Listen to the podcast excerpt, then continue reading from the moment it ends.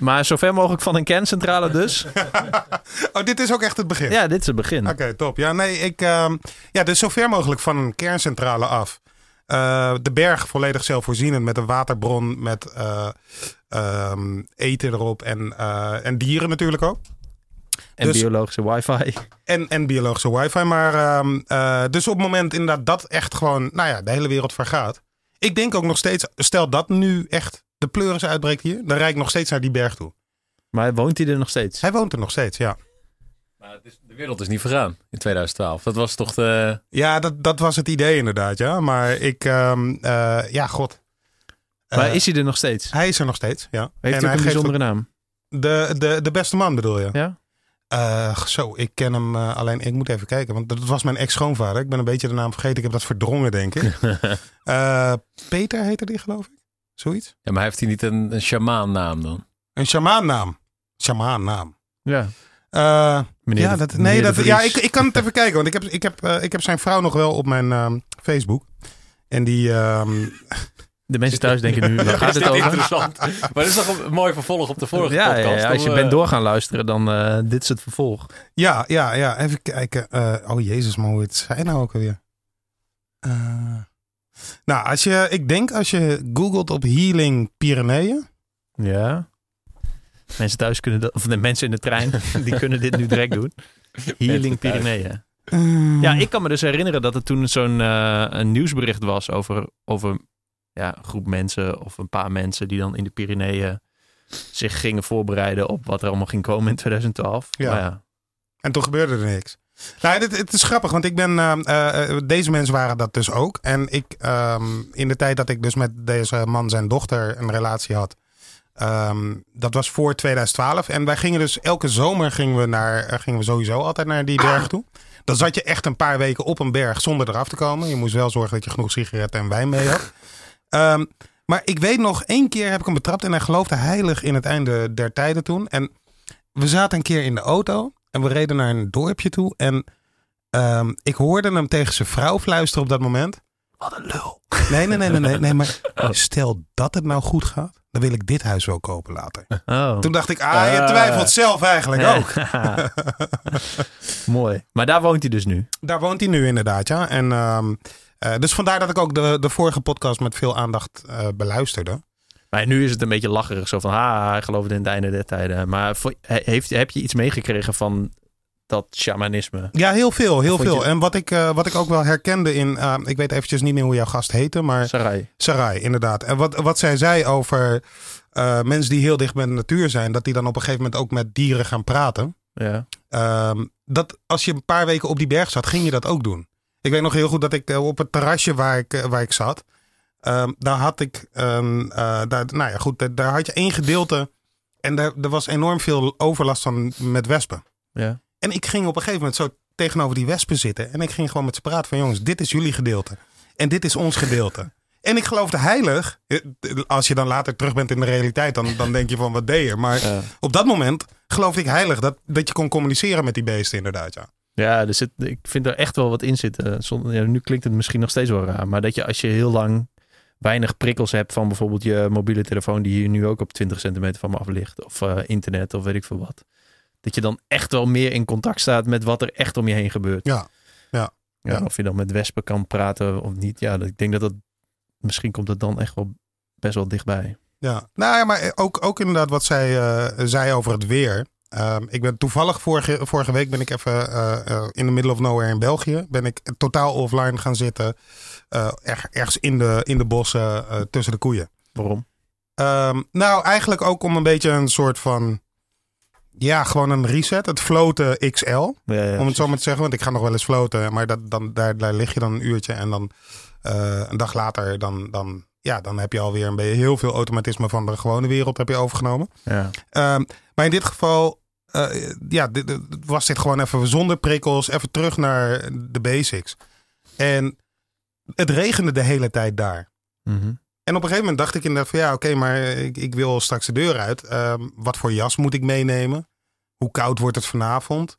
Blijft het regenen? En, maar ik, omdat ik offline was, kon ik het verder niet op gaan zoeken. Je had ook, je had ook verder geen wifi of iets Nee, ik heb, ik, of Of nou ja, ik, niet ik, had, ik, meegenomen? had, ik had het wel bij me allemaal. Eh, ik had mijn telefoon en mijn laptop had ik bij me. Maar ik heb het gewoon echt in een tas weggestopt. Ja, precies. Ook de wegvragen moest je ook weer doen. Want ik had ook geen routebeschrijving en dat Net soort zoals vroeger. Gewoon precies leven zoals vroeger. Gewoon ongeveer 15 jaar geleden. Maar dan moest ik dus echt inderdaad, dan ging ik in een trui ging ik buiten staan. En dan stond ik daar zo'n paar minuten en dan dacht ik, nee, dit is te koud. Dan liep ik weer naar binnen toe. En dan pakte ik nog een dikkere trui. Weet je? Ja, ja, Zo- precies. eigenlijk inderdaad wat je zegt, zoals, zoals vroeger. En Het is eigenlijk heel bizar dat we daar nu over praten. Als, wow, wat heb jij meegemaakt? Terwijl- wow, wow, offline, zonder internet. Wist jij niet of het ging regenen? Dat is heel raar eigenlijk. Ja. Dat is zo mooi. Ik zat laatst had ik oude tweets van. Ik, ik ben dus handmatig heel veel oude tweets aan het, nou ja, aan het verwijderen. En de mooiste laat ik staan. Maar toen zag ik ook nog een tweet van dat ik had, dat ik postte dat iemand op buienradar zat te kijken. Maar die persoon zat ook op een halve meter van het raam, zeg maar. Ja, maar dit, dit doe ik ook, hè? Ja, Ik maar heb- dat doet iedereen. Ja, Ja. ik bedoel, Ja. je kunt toch ook gewoon ja, Ja. kijken. Ja. En dan eh, Ja, voordat, voordat ik buiten een rondje ga lopen of zo, kijk ook altijd even of het niet gaat regenen. Weet je, dan ga je zo Ja. inzoomen en dan... eh, ja, terwijl je, gewoon, kan ook, je kan, eh, je kan kan kijken en je ja. ziet een donkere wolk aankomen. Ja. En je denkt, nou, een half uurtje. Ja, precies. Dat, dat, dat kan ook, weet je. Ja, of als het, wat, wat eh Sarai zei, dat, dat als voordat het losbarst, zeg maar, dan slaat het, dan slaat het weer toch om. Dan, Ja, dan, ja. dan mhm. draait die wind. Meestal. Ja, eigenlijk weet je dat wel. Tenminste, als je geen buienradar zou hebben, zou je het ook veel beter weten. Ja. dan Dat. Ja. Dus ja, dan is het dan altijd de vraag wat het nou weer allemaal oplevert. Zoiets. Maar het is wel een van de best bezochte websites in Nederland, toch? Buienradar. Dat denk ik wel, ja. Ja, maar, ja, Maar, maar ik denk ook, weet je, eh, het weer op zich is het, het, het tv-blok van het weer. Dat is, het slaat ook nergens meer op. Want iedereen, maar toch wordt daar nog heel veel naar gekeken. Ja, het, Ja. Mooiste, het mooiste stukje van het weer. Ja, ik heb al een tijdje niet eh, eh, gewoon een. eh, ik denk dat ik weet wat jij gaat zeggen. nieuws. Wat? De weerfoto's, of niet? Ja, nee, Nee, maar oh, dat is een goede. dat, dat is een, een interessant Ja, het fenomeen heeft, trouwens. het heeft er wel mee te maken dat mensen dat ze nog eventjes gaan bespreken hoe het weer vandaag was. ja dat klopt. Ja. Zo, ja, zo van wat, is dit? Maar ik denk dat het een soort van common ground zoeken of zo. Van zo van gezellig. Dit hebben we met z'n allen meegemaakt. Ik weet dat bijvoorbeeld Alexander Klupping heel erg blij wordt van de NOS. Omdat het een soort van iets is wat iedereen met elkaar verbindt. Ja. En dat is het weer echt wel. Of je nou een of andere extreemrechtse persoon bent. Of een of andere linkse vegan hippie. Ja, je hebt allebei zeg maar het weer meegemaakt. Er kan niemand ook tussenkomen. Nee. Ik bedoel, je, dat kun je ook niet soort van filteren. Je moet er allebei doorheen Ja. fietsen. Ja, misschien is dat het wel. Maar eh, ja, de weerfoto's vind ik ook, vind ik ook een bijzonder fenomeen. Ja, twee dingen vind ik daar dus interessant aan. Hè. Eén, ehm, ik, ik stel mezelf dan altijd de vraag. Heb ik ooit overwogen dat ik zo naar een, eh, een foto maakte en dacht... deze moet ik naar NOS sturen? Ja, En twee, bestaan die mensen die die foto's sturen echt? Of verzinnen ze gewoon die namen? En het gewoon van die stokfoto's. Van de, Ja, ja en, en dan gewoon, ja, weet je... eh, de Truus uit Meppel. ja, precies. Wie gaat het controleren? Ja. Niemand. Nou ja, maar goed. Misschien voor fotograaf of zo kan het best wel. het zou wel eh, een mooie robot zijn trouwens. Gewoon een, een namen en Hollandse plaatsnamen generator. En dan plus stokfoto. ja. Die het weer koppelt aan het weer van de dag. Ik hoor een nieuw project van jou aankomen, of niet? Zo. Jelmer 2.0. Ja, dat zou wel mooi zijn. Hoe gaan we nou een bruggetje maken naar, eh naar Petje Af? Nou, misschien komt het zo wel. Komt vanzelf. Ik wilde eigenlijk, eh, voordat ik het vergeet, Stefan. Ja. Ik wilde iets weten over radiostemmen. Jij hebt dus een radiostem. En ik vraag me Ja, altijd is, af, is dat zo, ja? ik vraag me af of er mensen zijn met ja, ja, of er mensen zijn met een radiostem die geen die niet iets met een microfoon doen. Hoe werkt zoiets? Ja, dan, maar dan kom je eerst bij de definitie. Wat is een radiostem? Nou ja, gewoon, gewoon dit, gewoon zo'n hele, zo'n hele mooie, zware, maar wel, ja, weet ik veel. Ik kan niet zo goed uitleggen. Ja, het is wel grappig dat je het zegt. Want eigenlijk, eh, als je... Eigenlijk is het, als je bij de radio hebt gewerkt... is eigenlijk het, de grootste belediging die je kan krijgen... is tenminste, het is natuurlijk geen belediging... maar zo van, nou ja, je hebt wel een goede stem. Dus, Dus- zo van, ja, oké, de vorm is goed... maar Oh, zo. Ja, Snap je? Ja, ja, ik begrijp hem wel. dat... dat Nou ja, erger is een belediging is als je een radiohoofd hebt, toch? Dat, ja, dat klopt. Ja, die heb ik ook vaak gehad. Ja, Nee, maar eh, het is wel een goede vraag. Ehm, ik denk namelijk ook, ik ben daar zelf altijd wel bang voor. Daarom heb ik nu ook geen koptelefoon op. Dat je, Ah. dat je veel radiomensen praten ook op een bepaalde manier. En dan zeker op het moment dat de microfoon aangaat. En zeker als je dan een beetje zo'n stem hebt. Dat je dan ook een beetje zo, eh, Ah, een beetje ja, ja. laag, eh, laag in je stem gaat zitten. En, eh, elke zin eh, zo laag eindigt. Je? Dat, dat, dus ik denk ook dat dat wel heel veel. eh, dat, je, dat, dat is ook wel typisch radio mensen, zeg maar. Nou, maar het is, toch ook, het is toch ook wetenschappelijk aangetoond dat eh, vrouwen mannen met lage stemmen aantrekkelijk vinden? Ja, jij ja, bewijst wou bewijst misschien het tegendeel, maar...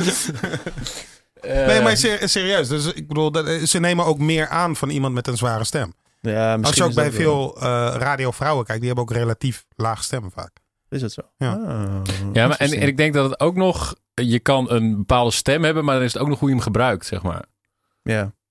Dat ook je, als je al een, een lage, zeg maar best wel aardige radiostem hebt en je hebt bijvoorbeeld een wijs accent of zo, ja. dan, dan klinkt het al meteen weer niet heel erg als een radiostem. Nee, oké. Maar hoe, hoe is dat gegaan dan bij jou? Ik bedoel, ben je dan 13 en dan heb je zo'n stem en dan vind je het mooi om dat dan te doen? Ja, ik weet niet, ik weet niet hoe dat zit.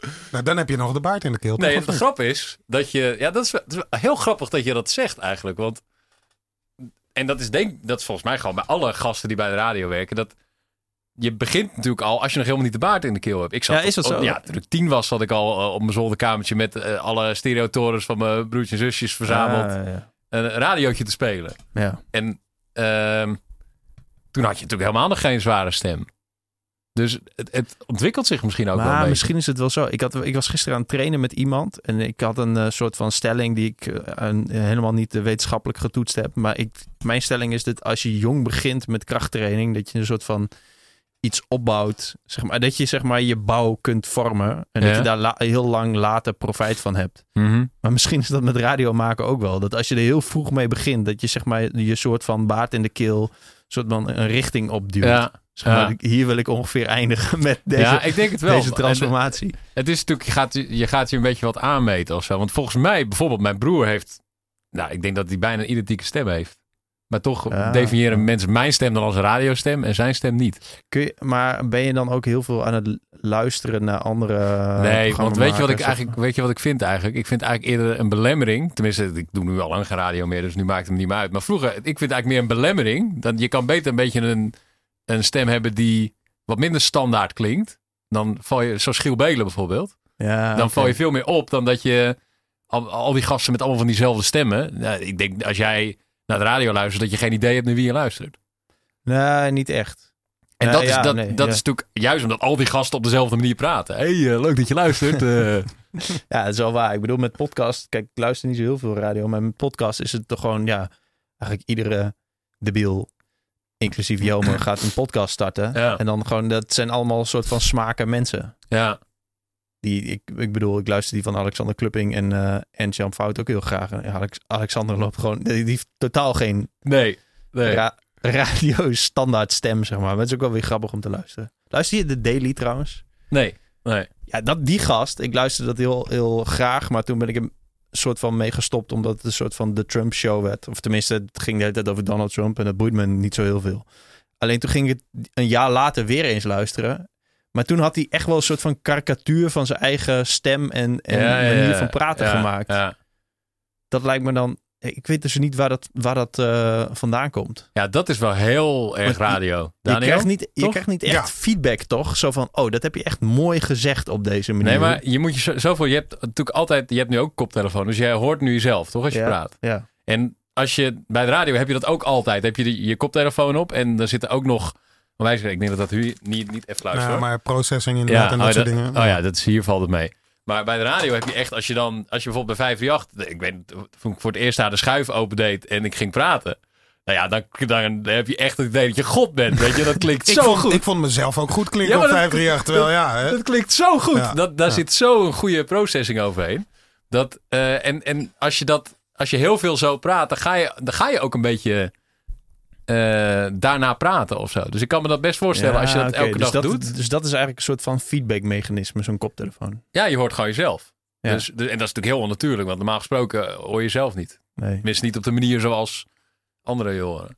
Maar kun je eh, dan nu even iets meer technische vraag voor de mensen thuis misschien iets minder boeiend, maar ehm, waarom moet je dan altijd die koptelefoon op, op de radio? Of hoeft dat helemaal Om- niet? Nou, omdat je het anders niet hoort welke muziekjes je instart. Oh, dat is eigenlijk daarvoor. Ja, ja. En, en dat je kan horen. eh, kan het niet verwachten dat zo'n eh, radiotechnische... maar dat is wel leuk eigenlijk. Maar ehm, eh, dat je kan horen hoe de verhouding is tussen de, hoe hard de muziek staat... en hoe hard je stem klinkt. En hoe diep je in de muziek ligt. Zoals ze dat dan zeggen bij de radio. Dat? Nou ja, dat je... ehm, eh, dat je, je wilt eigenlijk de muziek zo hard mogelijk hebben, zodat je er zelf een beetje in kan hangen. Je moet maar eens luisteren, als je naar de radio luistert, dan, dan hoor je een DJ een introotje pakken, zoals Ja. het dan heet. En dan het liefst start je die zo hard mogelijk in. En doe je eh, het volume daarvan eigenlijk zo min mogelijk naar beneden, om er zelf net aan overheen te komen. Maar eigenlijk ga je er dan een beetje in hangen. En als je er dan in gaat hangen, Ja. dan, dan laat je bijvoorbeeld ook, als je een intro van Michael Jackson hebt, dan laat je ook eh, de i en de a's van Michael Jackson laat je dan tussendoor komen. Dus op het moment dat je Oh, praat en dan, eh, als je dat in goede verhouding doet, dan praat je een soort samen met de zanger die je hier en daar Ja, al wat laat horen. Snap je? Heb jij je toegang tot muziek? Want dan kunnen we het even, kan je het even voordoen. Ja, jawel, maar ik denk dat, het- denk dat dit helemaal misgaat. Kan ik even een introotje pakken? dat is lang geleden. Oh, wel leuk eigenlijk. Ja, ik kan wel gewoon. Ja, maar volgens mij moet ik dat dan gewoon hier op deze computer aanzetten. En dat dan weer dit PC-schuifje omhoog doen. En dan. eh, Ja, dat gaat mis, denk ik. Of niet? Ja, dat gaat is, sowieso ja, het mis. is, ja. En waarschijnlijk gaat er ook wel weer iemand bellen. Want dat was de vorige twee podcasts volgens mij. Dat er even iemand tussendoor kwam. Het is altijd gewoon. Tegenwoordig. ik Ik heb nu een vaste, vast tijdstip. En dan eh, volgens mij is er een vast tijdstip. Iedereen, altijd iemand die verkeerd is verbonden. Maar ik heb trouwens ook trouwens een, tijdens een podcast een keer dit nummer opgenoemd. Dus misschien heeft iemand het onthouden. Nee, is toch juist wel leuk als mensen spelen? Of, Maar is Dat dat, zou wel mooi is- zijn, zit er dan ook een radiostation hier eh, vlakbij of zo? Oh ja, er zit natuurlijk hier een Ja, radiostation. er Ja, zit, eh, Van ja. ik zit hier. En Ja. allemaal Caribbean FM-achtige... Ah. Ja, het is wel grappig. Ik ben, ik ben ooit in, eh, maar dat was nog in een ander pand. Maar hier ooit mijn radiocarrière begonnen. hoe ziet Bij jouw Salto. radio... Nou, dat, dat was eh, op vrijdagavond tussen 11 en 12 begonnen. het. En later was het van 11 tot 1. Gingen we op Salto gingen we dan een, een, een programma maken over Nederlandse hip-hop. Mm, vet. En, eh, maar dan zit je inderdaad dus met, eh, wat je zegt, allerlei soorten mensen die een boodschap willen verkondigen. En dat in de vorm van een radioprogramma doen. ja. En eh, dus ja, de ene keer zat je inderdaad met keiharde rockers in de studio naast je. En de andere keer Caribbean. En ja, dat bleef maar... eh, Vet. Maar wanneer was dat? Welke periode? dat was rond 2000, denk ik, zoiets. Wow. Ja. Dat is wel echt... Maar we- Ja, toen hadden we ook net internet in de studio. En toen eh, startten we de muziek nog. Ja, je hebt hier nog cd-spelers. Oh ja, ja, ja, Ehm, tuurlijk. en en nou, met cd's en dvd of eh, md's. Ja, de, de mini-disc players. Ja, Ja, ja, dat ja, gouden ja. dingen waren dat. Ja. Oh, Daarvoor had je had nog de natuurlijk card players. Weet je, dat... dat eh, en dan wordt het echt een radiocollege. Maar eh, vroeger bijvoorbeeld bij Veronica en zo, dan, dan, daar draaiden ze, eh daar gebruikten ze cards. Dat waren een soort, ja, soort cassettes, maar dan net weer anders. En op iedere card stond een jingletje, zeg maar. Oh, Oké. Maar ze hadden bijvoorbeeld ook, ze moesten ook zelf de reclameblokken draaien. En dan hadden ze dus gewoon lijsten met hoe, in welke volgorde welke reclames moesten komen. Die moesten ze zelf achter elkaar instarten. Oh, wow. Ja, Ja, het was echt werken vroeger hoor. Dat, eh, nee, maar ik Ja. heb mij heel vaak, ook als, toen ik nog radio maakte actief zelf, heb ik me afgevraagd, maar hoe deden ze het zonder internet? Ja. Want tijdschriften, Ja, weet je, kranten. Nou ja, ja, maar ik bedoel, eh, wij hebben samen hebben wij in de studio gezeten op het moment dat Michael Jackson overleed. Wat, eh, wat een heel groot ding is in de wereld natuurlijk. Ja. Maar ja, hoe speel je daarop in? En wij hadden internet, dus we konden er meteen op inspelen. Maar eh, ik, ja, weet je, op zo'n moment denk ik dan terug aan jaren eerder. Van, ah, dan maakten ze gewoon een programma. En achteraf hoorden ze, oh, Michael Jackson is dood. ja, precies. Weet je, want dan kwam, er een fax binnen of zo. Ja, of Ja, ja. teletext of zo of had je of dan. teletext Ja, oh, inderdaad, ja. ja. Ja, dat is... Ik, ja. ik denk wel eens na over, over dat films... Met dat knippen en plakken, dat dat vroeger gewoon echt knippen en plakken was. Ja, zeg dat klopt, ja. ja. Dat soort, hoe je dat dan maakte, ja, dat is wel... eh, Ja, qua, qua hey, volgens mij, ik voel een bruggetje. Qua creëren is het allemaal wel heel veel makkelijker geworden. Ja, je wil praten over creëren. Ik wil eigenlijk eerst nog weten hoe jullie, zeg maar, hoe, maar jullie kennen elkaar dus van radio. Ja, ja. Ehm, Zijn jullie eigenlijk goede matties? Jullie, jullie kwamen samen binnen, maar ik heb echt geen idee of jullie, zeg maar, ik weet dat jullie zakelijk een mattie zijn, maar eh, Ja, shit, man. zijn- zijn wij vrienden? Dat is een he- hele goede vraag. Wil je niet dit soort confronterende vragen? eh? nou ja, eh, het is niet dat we dagelijks bij elkaar over de vloer komen of zo. En, dus, eh, maar Ja, maar dat komt omdat jouw huis echt, echt heel ongezellig is. eh, Hij heeft echt een mannen, mannen, mannenhuis. Gewoon een bank erin, een, een keuken, een tafel. En, praktisch. ja. Praktisch. en een, eh, en een grote tv. En een studio. ja, dat En wel. een game room. En, een aquarium. Nee, ik, ik game niet. Ik Nee, game niet. Nee, nee, nee. nee. maar... Heb je een aquarium? eh, ik heb ook geen aquarium. Nee, nee. Nee, ik ben niet zo stereotyp nerd. eh Oké. Lijk ik misschien een beetje. Maar eh, om antwoord te geven op jouw vraag. nou, de grap is, ergens zijn wij echt totaal twee verschillende personen. Eh, in, als je, eh, vergelijk inderdaad alleen al de huiskamers met elkaar. Daniel is één grote gezellige bende met eh, allerlei accessoires en gezelligheid en dingen. Verse bloemen altijd. nou ja, dat, dat, niet, dat ja. niet. en bij mij is het koud en kil. Maar eh, ergens is er ook wel iets weer wat ons bindt. En ehm, het het is natuurlijk ooit wel ontstaan uit een... eh, Ja, wij gingen koffie drinken. Ik bedoel, dat, dat kwam niet omdat ik, omdat ik dacht van... Oh ja, ik eh, kan zakelijk wat met hem hebben. Wij hebben inderdaad, we- weet je, eh, binnen de radio... Ik moet je heel eerlijk zeggen, ik heb mezelf altijd binnen die wereld best een vreemde eend gevonden. Ehm, ik denk Stefan je zichzelf was niet de enige. wel. Ja. Eh, maar ehm, ik, heb, ik heb er wel een paar vriendschappen aan overgehouden. En men, nou, wel een aantal mensen inderdaad waar ik gewoon nog regelmatig contact mee heb. Mhm. Ehm, Stefan, die heb ik eigenlijk, ja wel, wij zijn elkaar uit het oog verloren toen jij naar 3FM geloof ik ging. Ja, toen ik, toen ik wegging bij 538. Wij zaten samen dus bij 538. Mhm. En toen ben ik daar Jullie deden samen een programma? Of, eh, Eh, ja, Ik produceerde zijn programma daar Ah, ja. destijds. Ja. ja. ja, we hebben tussen... even denken, tussen 12 en 3 zat je daar op een gegeven moment ook bij? Ja. Ja, hè? Ja, Tussen eh, 12 en 3 daar was hij de nachtcowboy. ah. Dat was ik. en eh, eh, daar ben jij op een gegeven moment bijgekomen. Toen, volgens mij, die nacht dat Michael Jackson overleed, inderdaad, was de eerste nacht dat ik met Daniel samenwerkte. Ja. En toen, eh, ik weet nog dat ik toen naar de baas ben gegaan, heb ik gezegd, met die gasten wil ik wel vaker werken. Want ik weet nog dat het toen wel heel fijn was. Ik was namelijk helemaal van mijn apropos toen, eh, toen dat gebeurde. Ja, ja. Ik was ook Ja. echt heel slecht. Ik had Ja, maar voor- jij zat daar echt mee. Zeg maar. nou, ik vond het niet per se erg. Dat, ja, natuurlijk is dat erg. Maar dat was niet het ding. Maar het was gewoon meer... Omdat het zo afweek van het normale programma... Ja. Je moet moet je je ineens daarop inspelen. Dat, Stefan was, eh, het programma wat hij daar maakte, dat was echt eh, een beetje lol trappen en grappige dingen doen. En tankstations bellen om te kijken of je gratis koffie kon scoren voor luisteraars. Weet je, dat soort Ah, ja, ongein. ja. En in één keer was Michael Jackson overleden. En ik weet nog dat. Zelfs ik heb me verbaasd over de heftige reacties die, eh, die mensen gaven. Weet je, dat mensen.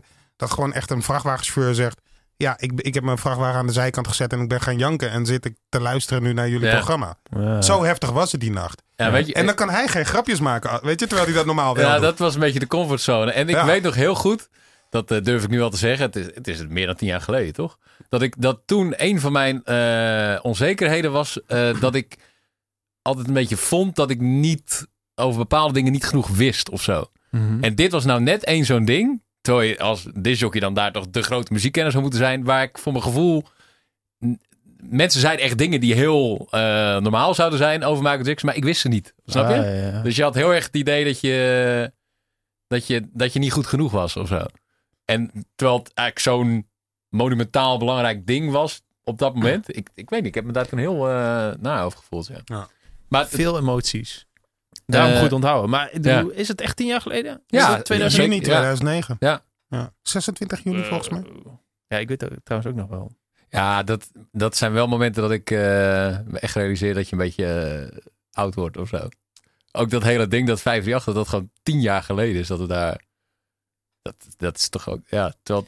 Eh, ik, heb, ik heb het idee, ik heb het gevoel dat ik oud ben als ik zeg maar, als er, als er mensen zijn, als ik mensen ken die zeg maar het WK 98 niet hebben meegemaakt. Ja, ja, ja. Ik Heel denk gewoon van, joh, waren. weet je nog, toen- toen hadden we echt een goed team. Toen hadden we eigenlijk wel wereldkampioen moeten worden. Ik dacht, ja, maar, jullie waren, zijn het is geboren toen. Dat is wel echt, dat is echt weird. Maar Ja. hoe oud ben jij nu? 33. Oké, ja. Ja. Dus ja, toen was ik 12, dus dan weet je. Ja. Ja, ik heb dit inderdaad met EK 88, weet je. Ik bedoel, dat ja, kan ik me weet nog ik ook. bewust. Weet, je, hoe oud ben jij? Ja, ik ben 38. Ah, ja. Ah. En eh, ik kan me dat nog bewust. Ik was in Rotterdam en ik ben daar gewoon inderdaad gesminkt. Ben je daar dan over straat aan het rennen? Ja, Ja. ik bedoel... Maar, dat, maar inderdaad, als ik nu 9 van de 10 mensen waar ik mee werk... of die ik in mijn dagelijks leven tegenkom... die waren toen echt nog niet geboren. Er waren nog niet eens plannen voor die kinderen toen. Maar 98 Ja. was toch tegen Brazilië toen?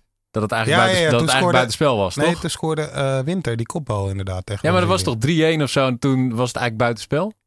Oh, dat weet ik niet meer. Dat ze de, sam- dat ze de, dat jij, sam- dat ze ja. de samba deden, ja, ja, toch? dat dat was, was, toch... ja. nee, nee, nee. Dat, Dat was was, toch dat was- 98? Dat was 94. Was dat 94? Oh, dat was in Amerika. ja, Was dat inderdaad. Ja, Amerika. ja, Ja, ja. ja, ja, Ja? En in 98 verloren ze weer van Dat was in Brazilië. Frankrijk was dat toen. Toch of niet? Ja, klopt. Ja, oké.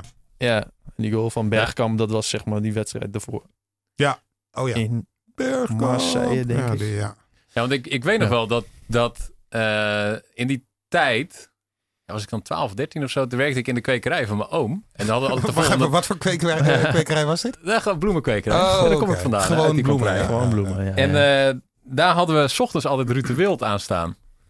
Op 538 was dat volgens mij toen. En die had toen 's ochtends, en dan ben je natuurlijk nog jong, en dan... eh, toen hadden we dus, we verloren van Brazilië. En toen hadden zij 's ochtends het nieuws verspreid dat, eh, dat ze aan de drugs hadden gezeten of zo. Dus dat de, de wedstrijd ongeldig werd verklaard. Ja. En eh, dat is een beetje mijn eerste radio eh, Oh, herinnering. ja.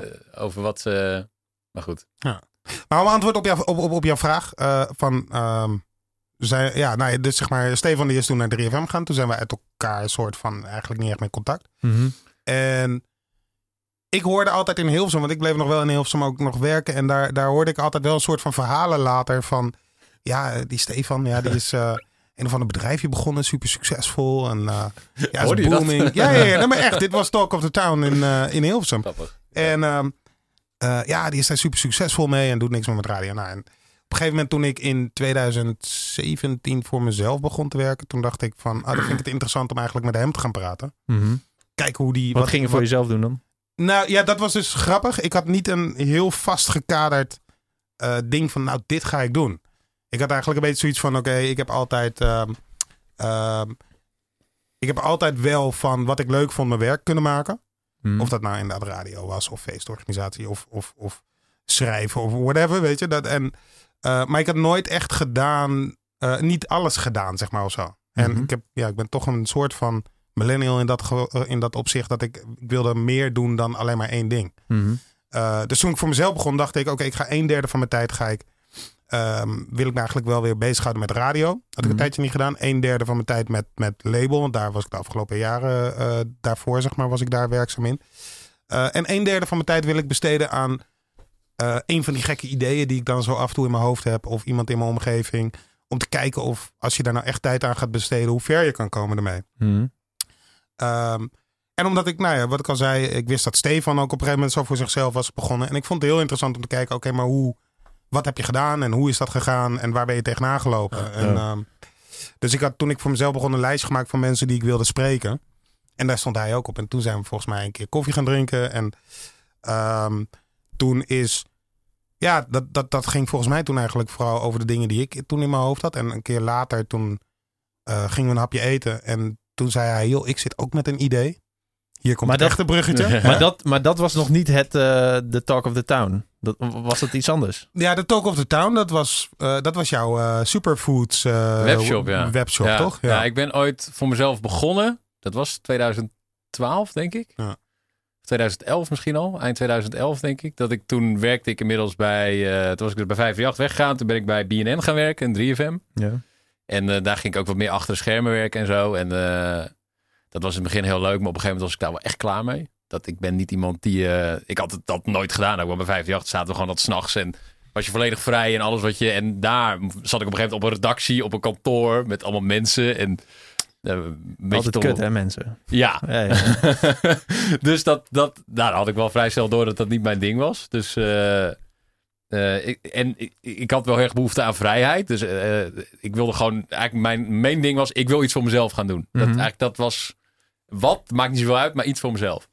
En eh, toen ben ik op een gegeven moment samen met een eh, oude collega, eh, ben ik een webshop begonnen. Ehm, en dat was in de tijd dat nog net voor die hype dat iedereen chiazaden en tarwegras en zo ging, Ja. ging bestellen. En wij waren zeg maar een van de eerste die dat verkochten in Nederland. En was ook net voor de hype dat mensen zelf echt wel gewoon een webshop konden maken. Ja, ja, ja. Dat, eh, Want jij kon gewoon programmeren. Hoe, hoe, hoe, waar ja, dat heb ik mezelf toen geleerd. Ah, oké, oké. Dat, toen moesten we, omdat het, kijk, tegenwoordig is een webshop maken inderdaad drie klikken en dan heb je een webshop. Ja. Maar toen moest je nog wel een beetje wat kunnen programmeren en uh, nou, viel ook wel mee hoor.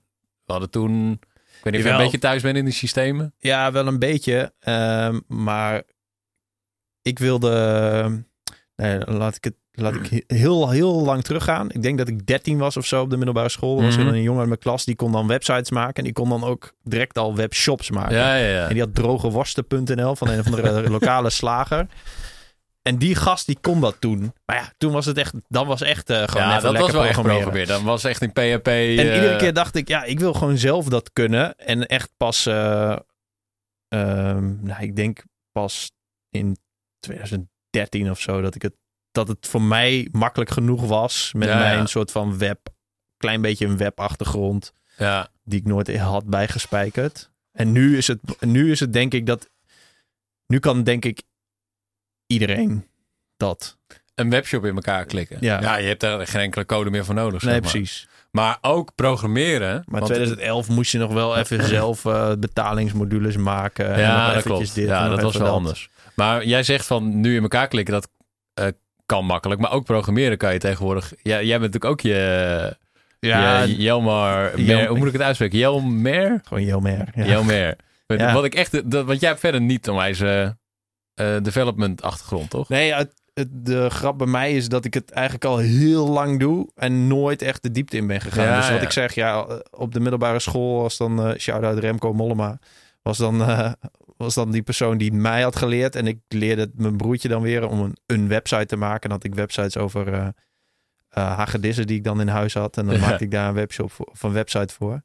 En mijn broertje is dan zo iemand die dan, dan wel indook en dan ook informatiekunde heeft gestudeerd. En dat Ah, nu gewoon ja, full stack developer is. Gewoon echt gewoon een goede, zeg maar. Ja. En eh, ja, en ik heb, ik heb het altijd een beetje gekund. Ja, ja, maar dat is wel. Als je, dat is wel de basis als je het een beetje kan.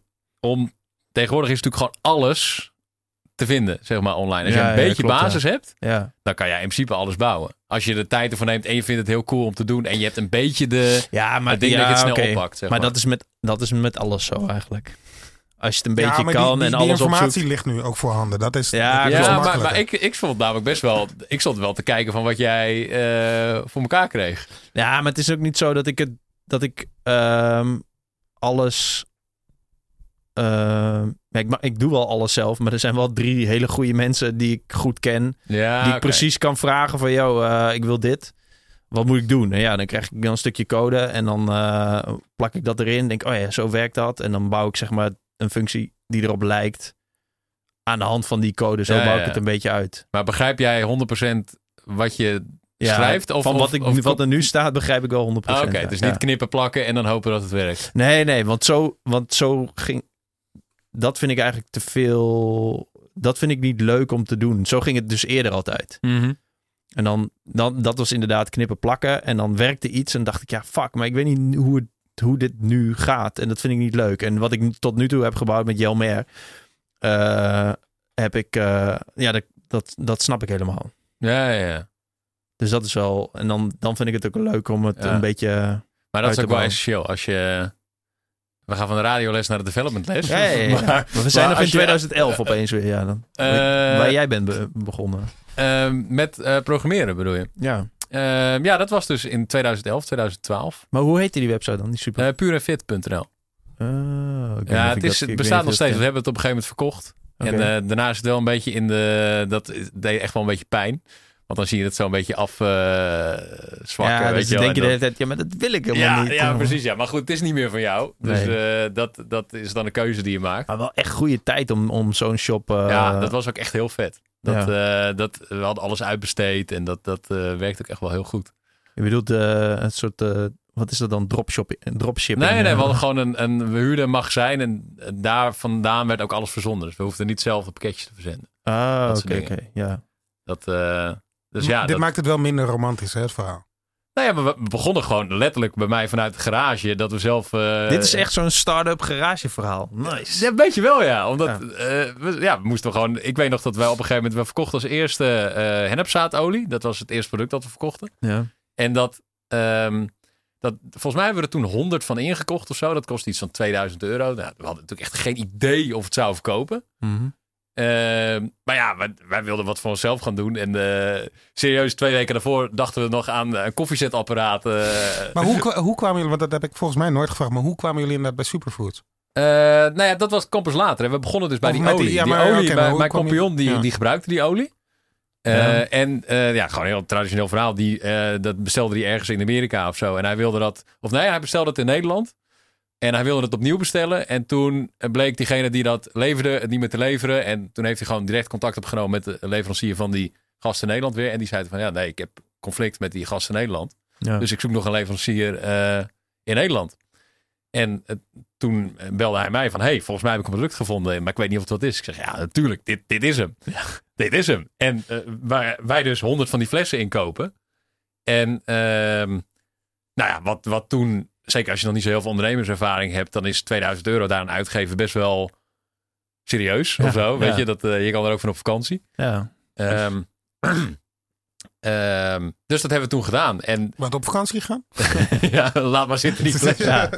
En, en dat, eh, de grap daarvan is, en dat is wel heel grappig met, met eh, dingen als je ergens aan werkt, dat je het gevoel hebt dat, dat je in een bepaalde flow komt, waardoor dingen soort van vanzelf gaan, zeg maar.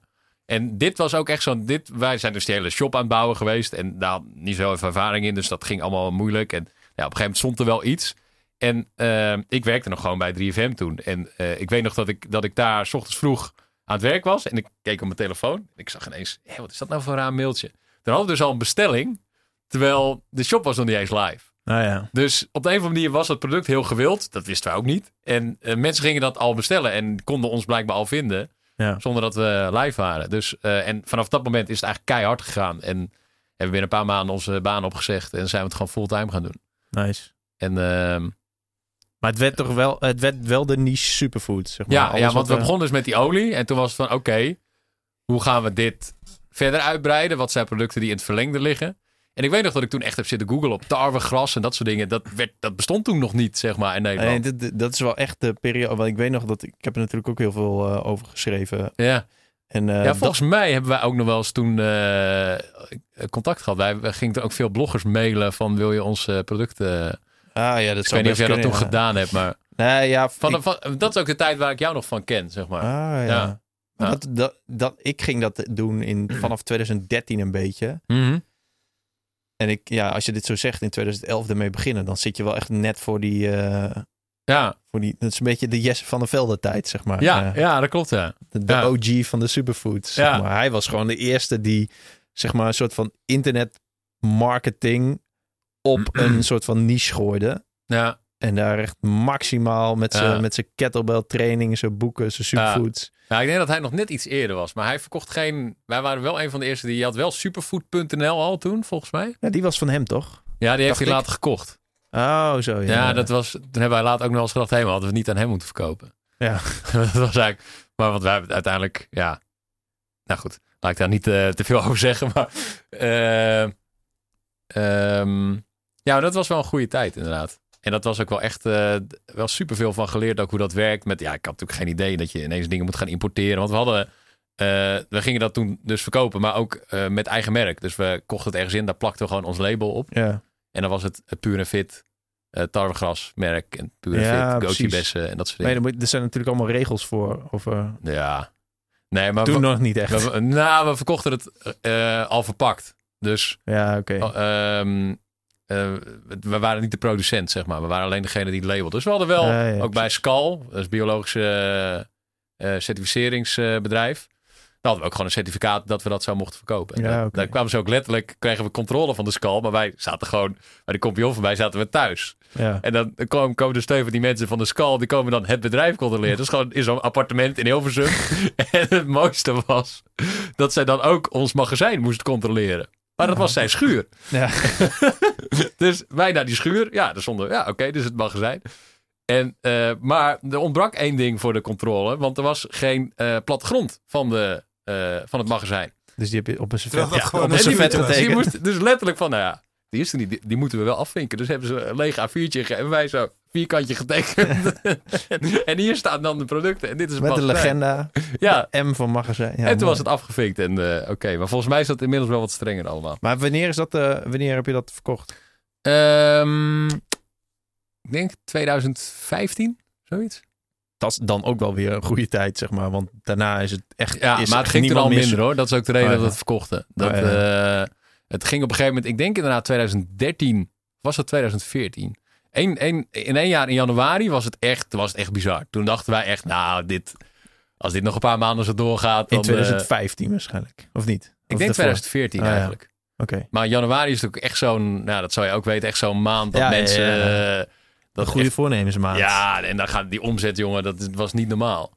En ehm, Echt, echt. Volgens mij de helft van Nederland denkt, ah, in januari ga ik echt beginnen. Ja, en dan ja. gewoon drie soort van goed bedoelde aankopen doen. ja, Of een sportschoolabonnement, of een pot eiwitpoeder. Ja. Of een keer geen eh, kratje bier bij je wekelijkse boodschappen. ja. En dat was toen volgens mij 2014. Nou en toen, eh, of het zou ook 2013, ik weet het niet meer. Maakt het niet zo heel veel uit. En, maar, en, en eh, dat was echt top. En, en toen dachten we van, nou, weet je wel, sky is the limit. En eigenlijk is daarna alleen maar minder gegaan. Omdat, toen, twee dingen. Je had ten eerste ging ook de Albert Heijn en zo het verkopen. Ja, daar kan je natuurlijk ja, niet echt ja. tegenop concurreren. En eh, vanaf dat moment kwamen er ook steeds meer dingen in het nieuws van ja, het is eigenlijk helemaal niet eh, per se super. En eh, ik weet nog dat op een ochtend dat, dat de NOS met het journaal er echt mee opende.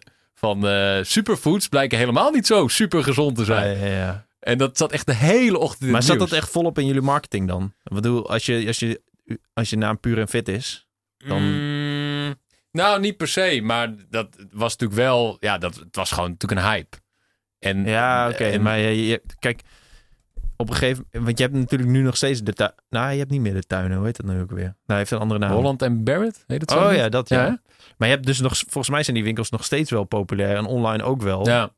Waar je gewoon een beetje een soort van gezondheidstroep kunt kopen. Ja, maar ik denk dat het nu gewoon iets meer eh, eh, uitgekristalliseerd is, zeg maar. Dat gewoon de hype is geweest. En dan, dan Ja, iedereen heeft het gedaan. En daarna blijven er gewoon een paar mensen het doen. ja En- want op een gegeven moment lag het in van die graaibakken in Albert Heijn met Ja. zo'n 35% korting Ja, stikken. ja. Ik heb ook een, ik heb een eh, overlijdensadvertentie van Superfoods in mijn boek staan. in eh Eten uit krijgen sixpack. En En welk jaar was dat dan? die, dat is in 2016 is die Oh uitgekomen. Dus nu, nu drie jaar geleden. Maar hele stomme vraag hoor, want ik, ik ben wel meegegaan destijds in de hype. Eh, en ik ben ook net zo snel weer gestopt ermee. maar is het nou echt gezonder of, of, of niet? Nee, ja, nee. Nee, Nou, Ja, ja, eh, eh, nee, nou, ik weet nog wel dat. dat eh, eh, en daarna moeten we misschien. Oké. Dat op een gegeven moment toen ik had ik we zijn nog met drie kwartier bezig. Echt waar? ja. Oké. Ehm, ga ik toch snel een bruggetje proberen te maken. Oké. Maar het, ik ga dit toch even afmaken. Dat in, eh, op een gegeven moment hadden wij ons baan opgezegd. Dat was volgens mij januari, februari of zo. En ehm, ik weet nog dat toen, omdat we dat natuurlijk allemaal verkochten, ben ik ook echt super gezond gaan leven. En dus ook al die zooi gaan nemen. Ja, ik had het toch allemaal in de garage staan, weet je wel. Mhm. En ik, dat, ik denk nog steeds dat, dat dat half jaar. Ik heb me nog nooit in mijn hele leven zo goed gevoeld als dat half jaar. ja, dus dat het werkt. Nou ja, kan, maar, ik, kan ik 100% inkomen in wat je nu zegt. maar het, dat, dat, ik weet natuurlijk niet of dat... Dat is natuurlijk een soort combinatie van het idee dat je heel gezond bezig bent. Dat je net je baan hebt opgezegd. Ik was ook zo relax of zo. Ja, ja. Van, ah, alsof een soort... Ja, maar en, en omdat het waarschijnlijk knettergoed ging. Ja. Ik bedoel, als je, als je ergens lekker mee gaat, ja, dan, eh, dan heb je dus ook, als je gaat slapen, alweer zin in morgen, zeg maar. Ja, en is- het heeft ook wel te maken met hoe langer het geleden lijkt, hoe, hoe beter het lijkt dat je je voelde. Of Ja. zo, snap je? Dat terugkijkend lijken dingen altijd leuker. Maar je- eh, eh, wat is nu het bruggetje? Want nu is alles kut. ja. Daar komt het op neer, Ja. inderdaad. Ja. Ja. Ik zit nu niet in de gezondste eh, periode van mijn leven, nee. Dat, dat, ehm, Hoe komt Eh, dat? Hoe komt dat? nou, omdat ik gewoon heel veel aan het werk ben. Oh, ja.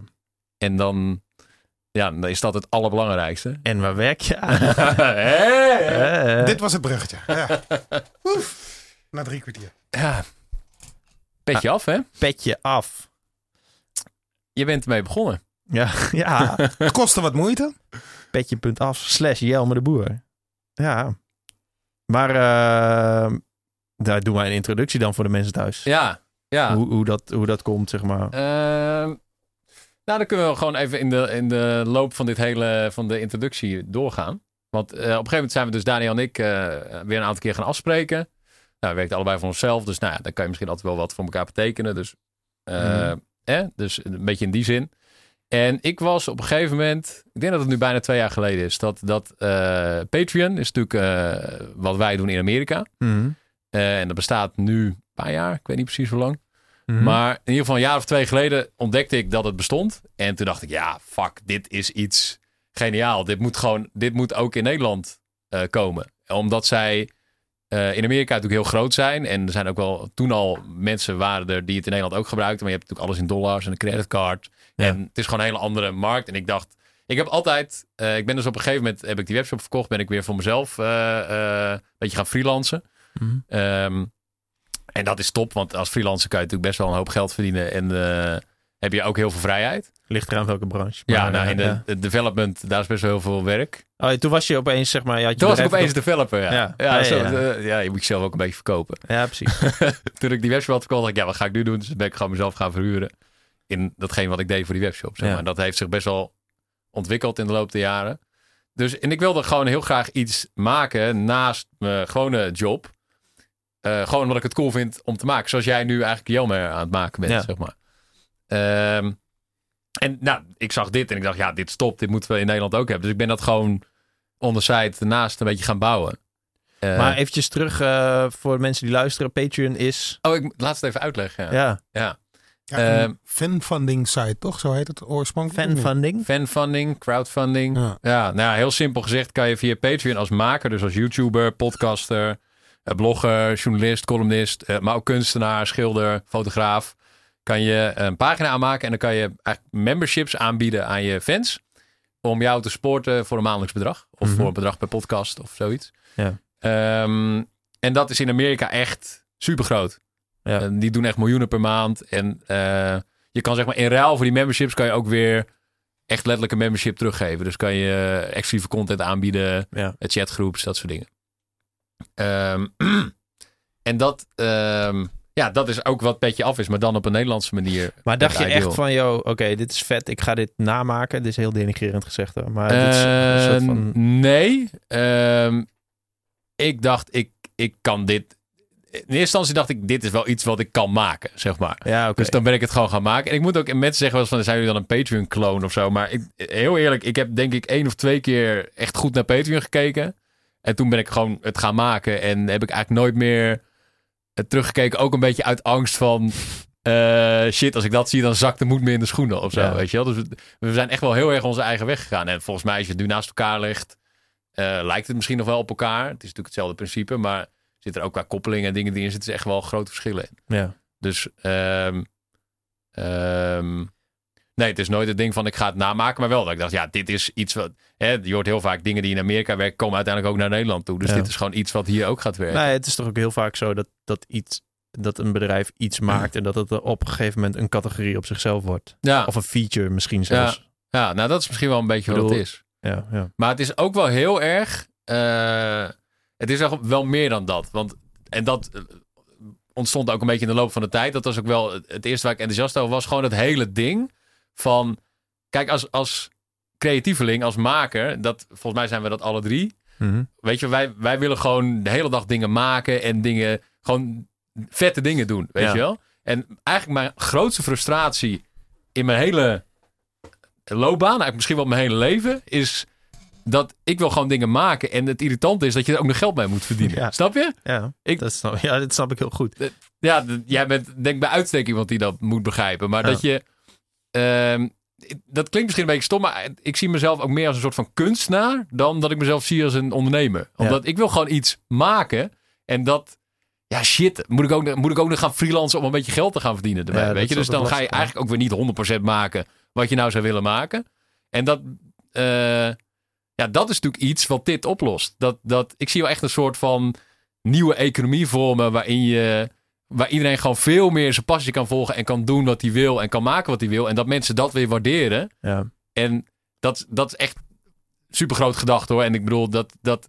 Maar uiteindelijk, waarom zou het niet een soort van ehm, Uber voor de arbeidsmarkt kunnen zijn? Waarin je. Nu is het echt puur voor eh, kunstenaars en voor creatievelingen. Maar uiteindelijk zou het natuurlijk ook gewoon kunnen dat je bijvoorbeeld eh, heel goed bent in het maken van eh, fietsen. En dat jij degene bent in de buurt die iedereen zijn fiets repareert. Waardoor de hele buurt zegt: hé, hey, daar gaan wij gewoon met z'n allen voor betalen.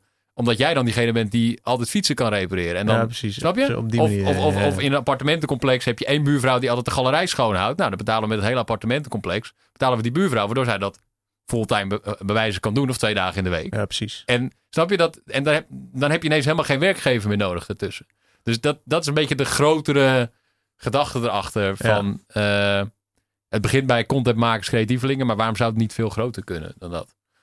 Ja, en dat, daar word ik gewoon wel heel enthousiast Maar van. het is, Dat- het, het is toch ook juist vooral, denk ik, de, de levenswijze inderdaad. Van gewoon, jij, jij doet iets en daar wil je iets van waardering voor. je, je, je, je passie volgen, doen waar je 100% achter staat, waardoor alles ook veel leuker, beter en mooier wordt. Ik bedoel, Ja. hoeveel mensen zijn er die dingen aan het maken omdat het moet? Of Nou, het is toch een groot verschil tussen eh, creëren en produceren. ja, Ik bedoel, creëren is... Want het is allebei maken. Maar cre- creëren is iets van niets. En produceren is eigenlijk gewoon... Meer van het. Goeie. Zo- ja, ja. Ja. Ja. Precies dat eigenlijk. ja en, en, maar- en dat heeft eh, uiteindelijk is natuurlijk economie iets waarmee je als mensen met z'n allen zeggen dat iets een bepaalde waarde heeft, dan heeft het die waarde. Dat is Mhm. wat economie is. Ja. En ah, dit is eigenlijk een soort, zie ik een beetje als een soort nieuwe economie, waarin je, ja, als maar genoeg mensen eh, wat jij maakt van waarde vinden, Ja. dan kan jij daar dus van leven. Ja. Snap je? Ja, ik vind het, dat- ik vind het altijd lastig. eh, nu nog steeds hoor. Want dan mensen kunnen dus deze podcast supporten. Ehm, maar ik begrijp ook heel goed dat mensen zoiets hebben van... Ja, maar dude, hoezo? Hoe de, waarom zou ik je in godsnaam... Ga, zou ik jou... Of zou ik hiervoor betalen? Ja, maar dan moet je het ook niet doen.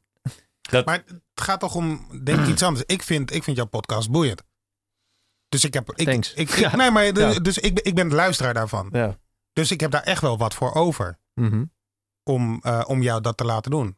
Want ik zie het wel als een meerwaarde voor mijn leven op bepaalde momenten. Ja, Ja. en het is ook een, een, eh, een, een podcast. Is, we zijn natuurlijk echt niet alleen voor podcasters. Maar podcast is wel een heel goed voorbeeld van. Dat is natuurlijk gratis. En het levert superveel waarde. Je zit gewoon twee uur lang naar iets te luisteren. wat super interessant is en wat heel diep gaat. Mhm. En ja, natuurlijk niet iedereen. Maar heel veel mensen horen dat. En die zullen ook echt denken: van ja, oké, heel, heel vet, heel gaaf dit. Maar die gast zit het ook maar een beetje gratis te doen daar. En die, terwijl ze er heel veel waarde van terugkrijgen. Ja. Dus als jij dan gewoon heel logisch vertelt van... hé, hey, ja, ik doe dit ook maar gewoon gratis. En dat kost tijd en geld en de studio. eh, Ik, ik probeer het dus op het profiel, eh, op de profielpagina van een beetje af een beetje uit te leggen. Maar ik, ja, ik heb het meer zo uitgelegd van ja, oké, we zitten nu in de studio, die moet ik huren. ja. En ik moet een halve dag, zeg maar, kan ik niet gewoon werken. Mhm. En dan, eh, om- omdat ik dit een beetje moet voorbereiden en opnemen. En dan daarna moet ik het klein beetje editen, maar ook weer posten. Mhm. En, eh, en ja, eigenlijk vraag ik dan om een bijdrage als je dit vet vindt, zodat ik dit kan Ja. blijven doen. Zeg Ja, maar. dat- is- Want dat anders, is- ja. anders is het bij mij, eh, bij mij is het heel vaak, ik denk van ja, fuck, ik wil wel graag een podcast opnemen, wel weer toffe gasten. Maar ja, het kost wel weer een halve dag, zeg maar. Ja, ja, ja, ja. Dat is wel echt kloten. Maar, maar eh, ik- dat is dan zeg maar nog de kant van... oké, ik heb nu al kosten dit. eh, dus ik heb daar hulp bij nodig. Dat is natuurlijk één. Maar twee is dat je, als mensen dat doen... Kijk, ik ga ervan uit dat mensen die jou volgen... en dan niet alleen je podcast. Ik denk dat, dat mensen die jou volgen, dat die je podcast luisteren... maar dat die ook je op Instagram checken en je blogs lezen... en je boeken Mhm. kopen, eh, dat soort dingen. Eh, dat, die, dat, dat die dat gewoon doen omdat ze Jelmer de Boer een coole gast vinden. Weet je wel? Dat is volgens mij wat het is. Hm. En ehm, eh, die willen dan, die zouden het liefst natuurlijk meer van jou willen zien. Of willen, gewoon omdat ze dat vette content vinden. Ja. En dus aan de ene kant is dat je nu al kosten maakt, dat je nu al dingen doet wa- wat gewoon geld kost. En wij, jij moet ook gewoon je geld verdienen. Maar eh, je wil ook nog, eh, mensen, weet je, als je jou verder gaat supporten, dan kan je ook, misschien kan je meer podcasts gaan maken, meer content gaan maken, Ja. betere content, misschien wel dagelijks of iets, weet je? Ja, ja, ja, dat, dat, Ja, ja. Waarom zou je je boek niet uit kunnen geven via Petje Af? Nou ja, dat soort dingen. Ja. Dat, eh, gewoon volledig eh, Ja. eh, gesupport door, door fans. Dan heb je er al, eh, laten we zeggen, duizend verkocht voordat je het boek hebt geschreven, weet je? Maar, het, maar het, het is heel erg. Ik snap heel erg ook de. Ook, ik weet niet hoe jij dat ziet, maar ook vanuit jou de ongemakkelijkheid om. eh, heb je dat? Of hoe? Ja, ik vind het fucking ongemakkelijk. Omdat ik het sowieso al doe, zeg maar. Ik maak sowieso al vet lang gewoon ja, allerlei dingen. ja. En, en ja, ja, je hebt dan een soort van eh, eh, ja, autonomie eigenlijk. Dat je Ja. het gewoon zelf beslist dat je iets gaat doen. En dan, ik, ik heb heel vaak Ik heb altijd al dingen heel vrijblijvend willen posten, zeg maar. Ik heb een blog. Ja, als mensen het vet vinden, dan kunnen ze het checken. En, Ja. dan, en dan anders niet. Dus, en ik vond, ik vond het daarom ook heel moeilijk om eh, advertenties te maken voor mijn boek, zeg maar. Ja, Dan dacht ja, ik ja. altijd, ja, dan, nu ga ik het dus opdringen aan mensen. Ja. Nu gaan mensen het zien die niet hebben gekozen om Jelme de Boer te volgen. Sterker nog, zullen ongetwijfeld mensen zijn die me ooit volgden, me hebben ontvolgd en dan een advertentie van mij zien. Ja. Ik vind dat best wel kut, zeg maar. Dus Maar, de, maar vind jij jezelf... kut. eh, en- nee, nee, nee. ja, dat, goeie Ja. vraag. Nee, maar eh, vind jij jezelf of wat jij doet een meerwaarde voor anderen? Ehm, als ik bescheiden ben, zeg ik natuurlijk nee. Maar ja, dat, maar vind, ik, je ja, dat vind ik wel, ja. nou ja, precies. Ja, Maar dat, dat heeft dan toch waarde? ja. dat klopt. Ja. En dat, dat er dan toevallig in geld uitgedrukt wordt of in waardering. Dat, eh, dat maakt niet uit. Het, het, het, het punt voor mij is waarom ik het doe, is dat ik, kijk, ik snap best wel dat, eh, dat advertising of ges- gesponsorde content, gesponsorde dingen, bijvoorbeeld op mijn blog of Instagram, dat dat een manier is om geld te verdienen. Sterker nog, dat is een hele goede manier om best wel snel eh, er wat voor terug te krijgen. Alleen ja, dat is niet de tofste manier. Dit is, dit is eigenlijk een soort van gekke omweg is dat. Ja. Zo Ja. van, ik, oké, dat is nu een mayonaise merk en dan hou ik een pot omhoog.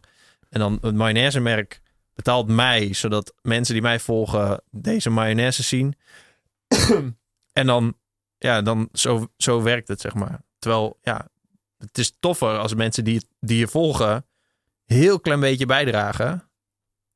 Zodat jij niet die mayonaise omhoog hoeft Nee, te ja, houden. precies. Zodat Ja. die domme omweg Ja, niet hoeven, ja. te, hoeven te Nou maken. ja, dat, is- dat is natuurlijk de grap. Dat, Met- wat ik net zei, dat als jij contentmaker bent of creatieveling, dan is jouw grootste frustratie dat je gewoon wil maken wat je wil maken. Eh, maar ja, dat je er ook nog geld mee moet verdienen. En dan kan je inderdaad voor de weg kiezen van ik ga mayonaisepotjes omhoog houden. Ja. Of eh Nivea zalfjes op mijn gezicht smeren. En dan zeggen dat het heel fijn is. Maar dat eigenlijk helemaal niet gebruiken. Maar gewoon omdat je er geld voor krijgt. Ja. Ik kan me... Ik zou als creatieveling me daar veel slechter bij voelen. Dan dat ik gewoon eerlijk tegen mijn volgers zou zeggen... joh, ik wil dit maken. Gewoon, dit gaat uit wat ik maak. Dat gaat uit een bepaalde passie. Omdat dit is gewoon hoe ik het voel. En wat ik wil maken. En wat ik wil creëren. Wat ik wil geven aan de wereld. Mhm. En ehm, ja, maar ja, ik moet ook mijn geld verdienen, weet je. En jij bent de volger. Jij, als je dit volgt, ja, volgens mij hou je hier waarde uit. Of je kan hier waarde uithalen. Of je vindt het in ieder geval cool om te volgen. Mhm. Dus maak het mede mogelijk door me 3 euro in de maand te geven. ja, Snap je? ja, En waardoor ik ook niet allerlei dingen hoef te doen waar ik eigenlijk helemaal geen goed gevoel bij heb. Alleen maar omdat ik er geld mee moet verdienen. Dus daar ga ik jou ook niet mee lastigvallen.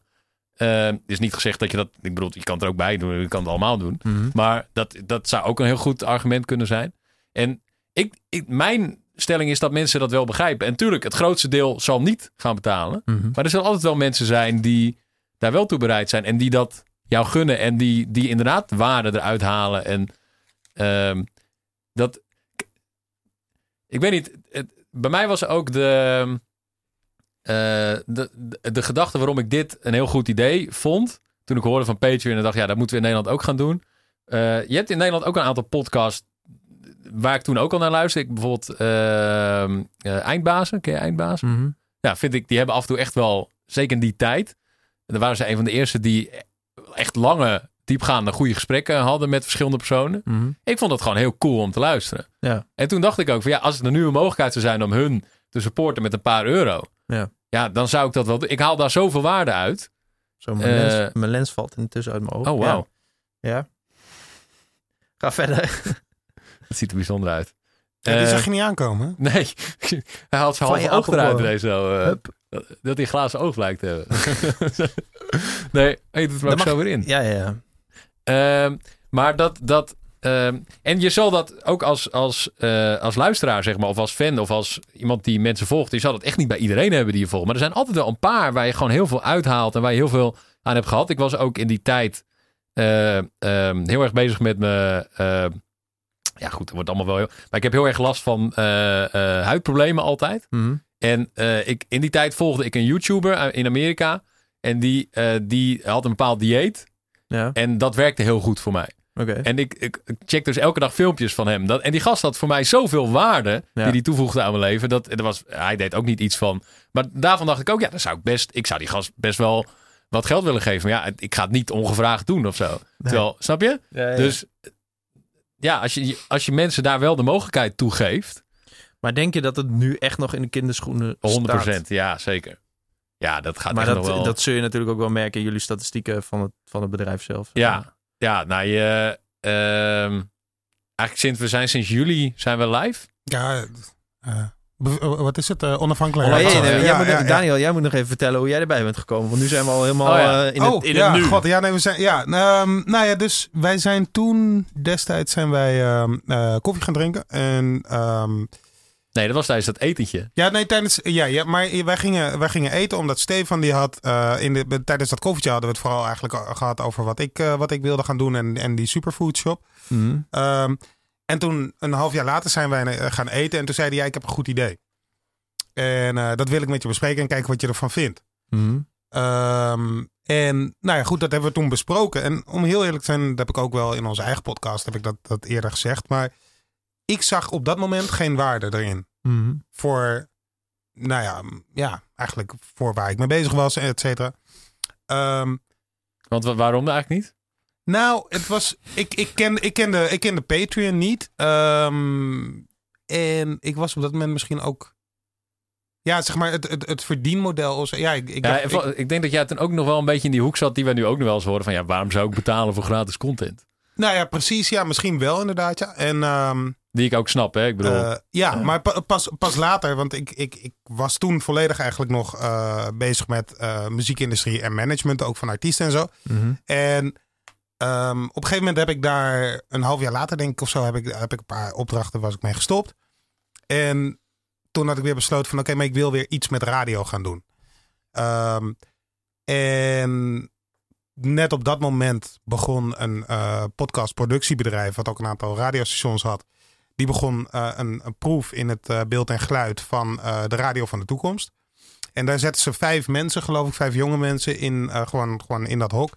Van ga maar bedenken hoe radio er over twintig jaar uit moet zien en ga dat maar maken. Mhm. Vond ik super boeiend. Dus ik heb, hun, ik heb hun toen een mailtje gestuurd van joh, heel tof initiatief. En ehm, ja, kunnen wij niet een keer gaan praten dat ik ook wat met, bij jullie ga doen. Ehm, en toen belandde ik uiteindelijk inderdaad bij dat, bij dat bedrijf. En eh, waar het eigenlijk in- initieel eh, de insteek was om vooral creatief bezig te zijn met, met, met content. eh, was het eigenlijk 90% sales. En dan de sales van Aan. eh, aan, aan de Albert Heijns van deze wereld en zo. Om te zorgen dat zij een podcast gingen maken voor hun medewerkers. Oh, ja, ja. In plaats van een nieuwsbrief. En dat vond ik, ja, ik, ik, ik vond dat heel jammer. Want tegelijkertijd had ik heel vaak had ik hele vette start-ups aan de telefoon. En ik belde ze van, joh, willen jullie niet een podcast maken? Want ik vind jullie start-up super vet. En eh, ja, weet je, dat kunnen we dan extra belichten. En zeiden ze, ja, dat is leuk. Maar we hebben dat geld niet wat jullie ervoor vragen. Mhm. Ehm, dus ik, maar, maar daar werd ik een soort van met mijn neus op de feiten gedrukt van, van ja, als jij dus, ik wil gewoon tof, ook, ook inderdaad gewoon tof content maken. En eh, ja, ik heb geen zin om daarvoor met Albert Heijn te moeten praten of met Shell of met whatever Mhm. dat zij eh, die duizend euro neerleggen daarvoor, weet je. Ja. Eh, ik wil dat gewoon maken en ehm, gewoon op de manier waarop wij dat, dat, dat willen doen. Of weet je, zoals ik het had gedacht. En daar komt iets heel tofs uit.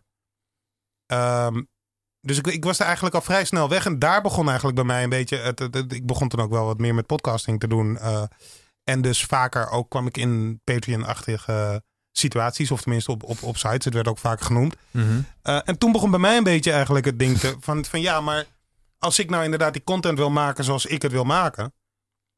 Dan, en ik heb geen zin om met, met grote bedrijven te praten. Ja, dan, dan, dan zijn er alternatieven. Nou, en daar is Petje Afdeut wel echt één van. ja. Dus ehm, toen heb ik eigenlijk vrij heeft er snel... nog geen petje af. Nee, nee, nee, we hadden toen, eh, toen nog niet inderdaad de naam bedacht. Maar toen heb ik vrij snel heb ik Stefan gebeld van joh, ehm, heb, jij was dat toch aan het bouwen? Ja, ja, ja, dat eh, doe ik een beetje in de avonduren. Ik zeg oké, maak dat heel snel af. En dan gaan we er echt mee, eh, mee van start. Mhm. En ja, dat is eigenlijk hoe ik er toen bij ben gekomen. Dat was Ah. eind vorig jaar, volgens mij. Ja, ja. Dan was deadline eh, januari 2019 klaar. Ja. Dat werd april 2019. Classic hoe dat gaat natuurlijk. Ja. Ja, maar eh, en de, de, ja, dat is wat ik net ook zei met die webshop. Dat, dat ging toen heel goed. En eh, diezelfde flow, die eigenlijk van begin af aan, dat, dat we met z'n tweeën hier echt gas op zijn gaan geven, is ook bij Petje afgekomen. Dat, dat, Dat is wel echt nice dat je dat gewoon ik kan me voorstellen dat je na zo'n project zoals dat ehm, ehm, Puur en fit. Pure Fit, Ja. dat je dan een soort van misschien een zwart gat valt en dat je denkt van shit, komt dit nog wel eens terug, zeg maar zo'n flow. Ja, ja, ja, ik snap wel wat je bedoelt. Maar Dat je het gewoon nog een keer kan beleven. ja, maar wel en beter eigenlijk. Omdat je Oh, ja. het meer ervaring hebt en dat je het ook herkent. Snap je? Ja, Omdat precies. wat ik nu heel erg herken is dat... En dat is, ja, het is bijna spiritueel of zo. En dat, zo wil ik, ik wil helemaal niet zweverig of zo. Maar dat op de een of andere manier... En dat, dat kan ook mindset zijn of iets. Dat komen er iedere keer dingen op het exact het juiste moment op je pad. Eh, die gewoon kloppen. Die 100% en waardoor je iedere keer weer verder komt en waardoor het een soort moeiteloos lijkt te gaan. Terwijl dat is natuurlijk, ik bedoel, we werken snoeihard en eh, het komt echt niet vanzelf allemaal. Maar, maar iedere keer gaan wel de juiste deuren op het juiste moment open. Of Kun je zo. een voorbeeld van geven? Nou, wij zaten dus in ehm na begin april. Toen was het dus af, Oh ja. de eerste versie. Eh, zaten wij van, oké, eh, het grote ding natuurlijk als je een platform hebt gebouwd. Er zijn natuurlijk honderdduizenden platformen gebouwd in de wereld die hartstikke mooi zijn, maar die nul gebruikers hebben. Dat is natuurlijk het grote risico als je een platform hebt gebouwd. Dus wij, op een gegeven moment zaten wij in Amsterdam, eh, waar wij ook eh, al een keer afgesproken in de, in de Birdhouse Ja. zaten wij op ons vaste plekje. Eh, eh, en eh, van oké, nou Stefan, hartstikke goed, je hebt het nu gemaakt. Maar ja, en nu? Want nu hebben we wel contentmakers nodig. Hoe gaan we dat doen? En ik had Daniel origineel erbij gehaald. Omdat Daniel komt dus nog meer dan ik uit de muziekindustrie en eh, artiesten. En heeft voor Ali B gewerkt. Dat ze, dus ik had, ja, die gast moeten we erbij hebben. Want dat zijn natuurlijk de mensen, Ja. dat is midden in de doelgroep van Petje Af. Ehm, dus toen was het van, oké, nu staat het. Maar hoe gaan we die contentmakers binnenhalen? Want je moet natuurlijk gewoon een aantal eerste hebben... voordat je überhaupt kan beginnen. En letterlijk in die meeting... eh, eh, word ik ge- eh, gebeld door een vreemd nummer. Nou, we zaten in die meeting, dus ik neem die op. En dan krijg ik een sms'je van... Hey Stefan, het productieteam van Jensen... wij van de Jensen Show, kunnen we je even bellen? Mhm. Ja. Gaat, wat is dit nou voor raar? eh, dus ik zeg tegen Daniel, nou, laat ik me even bellen. En die, eh, toen kreeg ik dus eh, Robert Jensen aan de telefoon. En eh, die, ehm, die ging stoppen met, die deed toen nog zijn tv-show, die ging daarmee stoppen. En die wilde voor zichzelf onafhankelijke content gaan maken. Ja. En eh, hij had gehoord, via via, dat wij dit eh, zijn gaan doen. En hij was wel geïnteresseerd. Ah. In die meeting dat wij zaten over, hey, we hebben contentmakers nodig. Dus Ja, twee weken later... We waren nog niet live inderdaad. Nee. Helemaal niks, weet je. Dus Twee weken later zat ik bij hem aan tafel. En eh, nou ja, zijn zij uiteindelijk de eerste gebruikers geworden. Eh, eind april, volgens mij, 23 april. En dat had natuurlijk wel, ja, gewoon wel echt een kickstart. eh, met dat veel mensen meteen hoorden. En, Want, want wat voor, hoe, hoe groot is Robert Jensen? Ik bedoel, hoeveel vol- mensen volgen hem? Oké. Want ik- ja. dat zijn twee vragen Dat inderdaad. zijn twee verschillende vragen. Nee, ja, ik kan me voorstellen dat mensen die naar mijn podcast luisteren... niet per se naar dingen luisteren die eh, Robert, Jan Nee, Robert Jensen Nee, oh, dat kan ik me heel goed voorstellen. Ja, maar dat is ook eh, van begin af aan een van onze dingen geweest. Dat wij heel erg heel veel verschillende soorten contentmakers willen hebben. Dus Ja, aan de ene ja, kant precies. is Jensen bij ons aangesloten. Maar aan de andere kant hebben we ook hebben we jou, maar ook Wilde Haren de podcast. Ja. Wat zo'n beetje het tegenovergestelde is van, eh, van Jensen. Komt, er, komt er een bedrijfsfeestje waarin iedereen met elkaar gaat borrelen? Weet ik niet. Lijkt me wel leuk eigenlijk. ik, weet niet. ik weet niet of de Wilde Haren... dit- Wel heel grappig dat op een gegeven moment hadden zij... De ene week hadden zij een... eh, en dat staat dan naast elkaar bij ons op de, op de site. Hadden zij een of andere hele linkse feminist te gast. Ja. En eh, nou ja, dat, die was niet te gast bij, eh, bij Jensen. zeg maar. Nee, nee, precies. Maar, ehm, maar, maar goed, ja, ik ben zelf heel ruimdenkend daarin. En ik vind ook dat je dat alles... Hè, iedere invalshoek heeft een... eh, eh, ja, kan. En... ehm, eh, wat wil ik nou zeggen? Nou ja, dat was wel dat, een van de dingen inderdaad waardoor die puzzel weer precies Ja, in Ja, elkaar ja. viel zoals dat moest. Mhm. Want ook inderdaad, de, jij werd op een gegeven moment 's ochtends gebeld in april door eh, de producer van Jensen van, hey, ehm, ja die site hè voor jullie, ehm, dat werkt nu toch? Ja, ja, ja, ja zei Stefan. En vervolgens eh, zegt die gast, ja dat komt goed uit, want eh, ja, we gaan er vanavond mee beginnen. Eh, tijdens een tv-show gaan we het aankondigen. En dat was, ik weet nog die dag volgens mij Ja. voor Stefan Hel. ja. En voor mij, ik had, ik had, ik had gewoon een leuke werkdag. En s s'avonds had ik een date. En tijdens die date ging het allemaal live. En ik had niet op mijn telefoon gekeken. Ik had jou wel geappt nog van, ehm, eh, van ik, ik ben even niet beschikbaar. en op dat moment ging er volgens mij alles bijna fout wat er fout kon gaan. Ja. Eh, Maar- en had jij echt, was je tien ballen de Ja, lucht in aan het ja. houden? Op dat moment dacht ik echt van, ja jongens, laat me het... we- Maar je- het was nog niet af. Of het was wel Nou ja, af. het was wel af. Het was af. Ehm, nou ja, lang verhaal kort. Er was één. Het, eigenlijk was alles. Het, het was al twee weken af. Want het- ik was bij hun geweest. En toen zijn we natuurlijk als speer gaan afmaken. En nou, je weet hoe dat soort dingen gaan. Dan zijn ze enthousiast. En dezelfde wel een pagina aangemaakt en alles. Maar ja, ja, dan moet het ook nog maar echt gaan gebeuren. Weet Ja. je wel? En nou ja, zoals het dan. Dat is echt een media dingetje. Dat eh, s ochtends bellen ze op. En dan moet het ineens allemaal klaar zijn, zeg maar. En het was op zich klaar. Maar het is wel een. eh, ja, alles was allemaal goed getest en gedaan. Maar het is natuurlijk wel een stresstest. Eh, als er s'avonds ineens duizenden bezoekers op je, op je site komen. Ja. Ehm, dus ik wilde dat even allemaal goed voorbereiden. En wij hadden nog geen mailadressen. Oh ja. Dus wat ik toen gedaan heb, eh, via de, eh, het bedrijf waar wij de domeinnaam gehost hebben, wat nog best een bijzondere aangelegenheid is, dat het een Afghaanse domeinnaam is, petje punt af, Ehm, ehm, moest er iets in, ja, technisch verhaal, maar in de nameservers omgezet worden om die mail te kunnen regelen. Weet je wel? Mhm. Maar eh, dat was bij Hostnet trouwens. Geen reclame voor Hostnet. Want zij hadden... Ik had dat geregeld. Maar op de een of andere manier... Wij hadden gewoon onze nameservers ergens anders staan. Maar zij hadden dat ook aangepast in de nameservers. Dus, eh, en het ding van de DNS en nameservice is... Een heel technisch verhaal. Maar dat, Duurt je- gewoon lang. dat duurt lang. Ja. En zij hadden dus iets aangepast. Waardoor die nameservice ineens naar iets anders verwezen. Dus niet meer naar onze, eh, Ah, onze site. Dus, Dus zat die geen- website was weg. de Of- website of- was weg. Maar en, en opeens, zeg maar. Want opeens werkt dat dan niet meer. Nee, precies. En weet je, dat En duurt weet een nooit, paar. Je weet nooit wanneer. Ik heb echt tot één uur s'nachts heb ik zitten eh, zoeken. Wat, wat, wat is dan de oorzaak? Maar en toen kwam ik erachter van, hè, hebben ze dat daar aangepast? En ondertussen had ik wel een andere oplossing gevonden, waardoor wel vanaf het moment dat het op televisie kwam, wel gewoon iets live was. Dus dat werkte uiteindelijk allemaal wel. Maar Gewoon op je KPN-server. nou, ik had nog een andere hostingpartij waar ik een soort redirect omleiding had gemaakt, waardoor het Ah, wel gewoon ja. allemaal werkte. En de grap was dat uiteindelijk zijn eigen site eh, offline was, omdat hij het verkeer niet aankon. Oh. En wij wel. Dus dat, Oh, eh, uite- uiteindelijk vonden zij dat geen probleem. maar eh, je, dit zijn wel indicaties dat er dan opeens knetterveel mensen zich gaan, zich gaan aanmelden. Ja, maar zeg dat- dat dus, stond dus hij heeft heel veel fans. Ja, ja. En. Maar dat is ook wel een grappig verschil tussen zeg maar dit soort media en massamedia. Hij was toen natuurlijk gewoon nog op televisie. Ja, precies. Nou ja, en ik, ik geloof- ik geloof niet dat hij miljoenen kijkers had, maar ik denk wel een paar honderdduizend. Ja. En dan zie je wel, dat is echt nog wel het effect van televisie.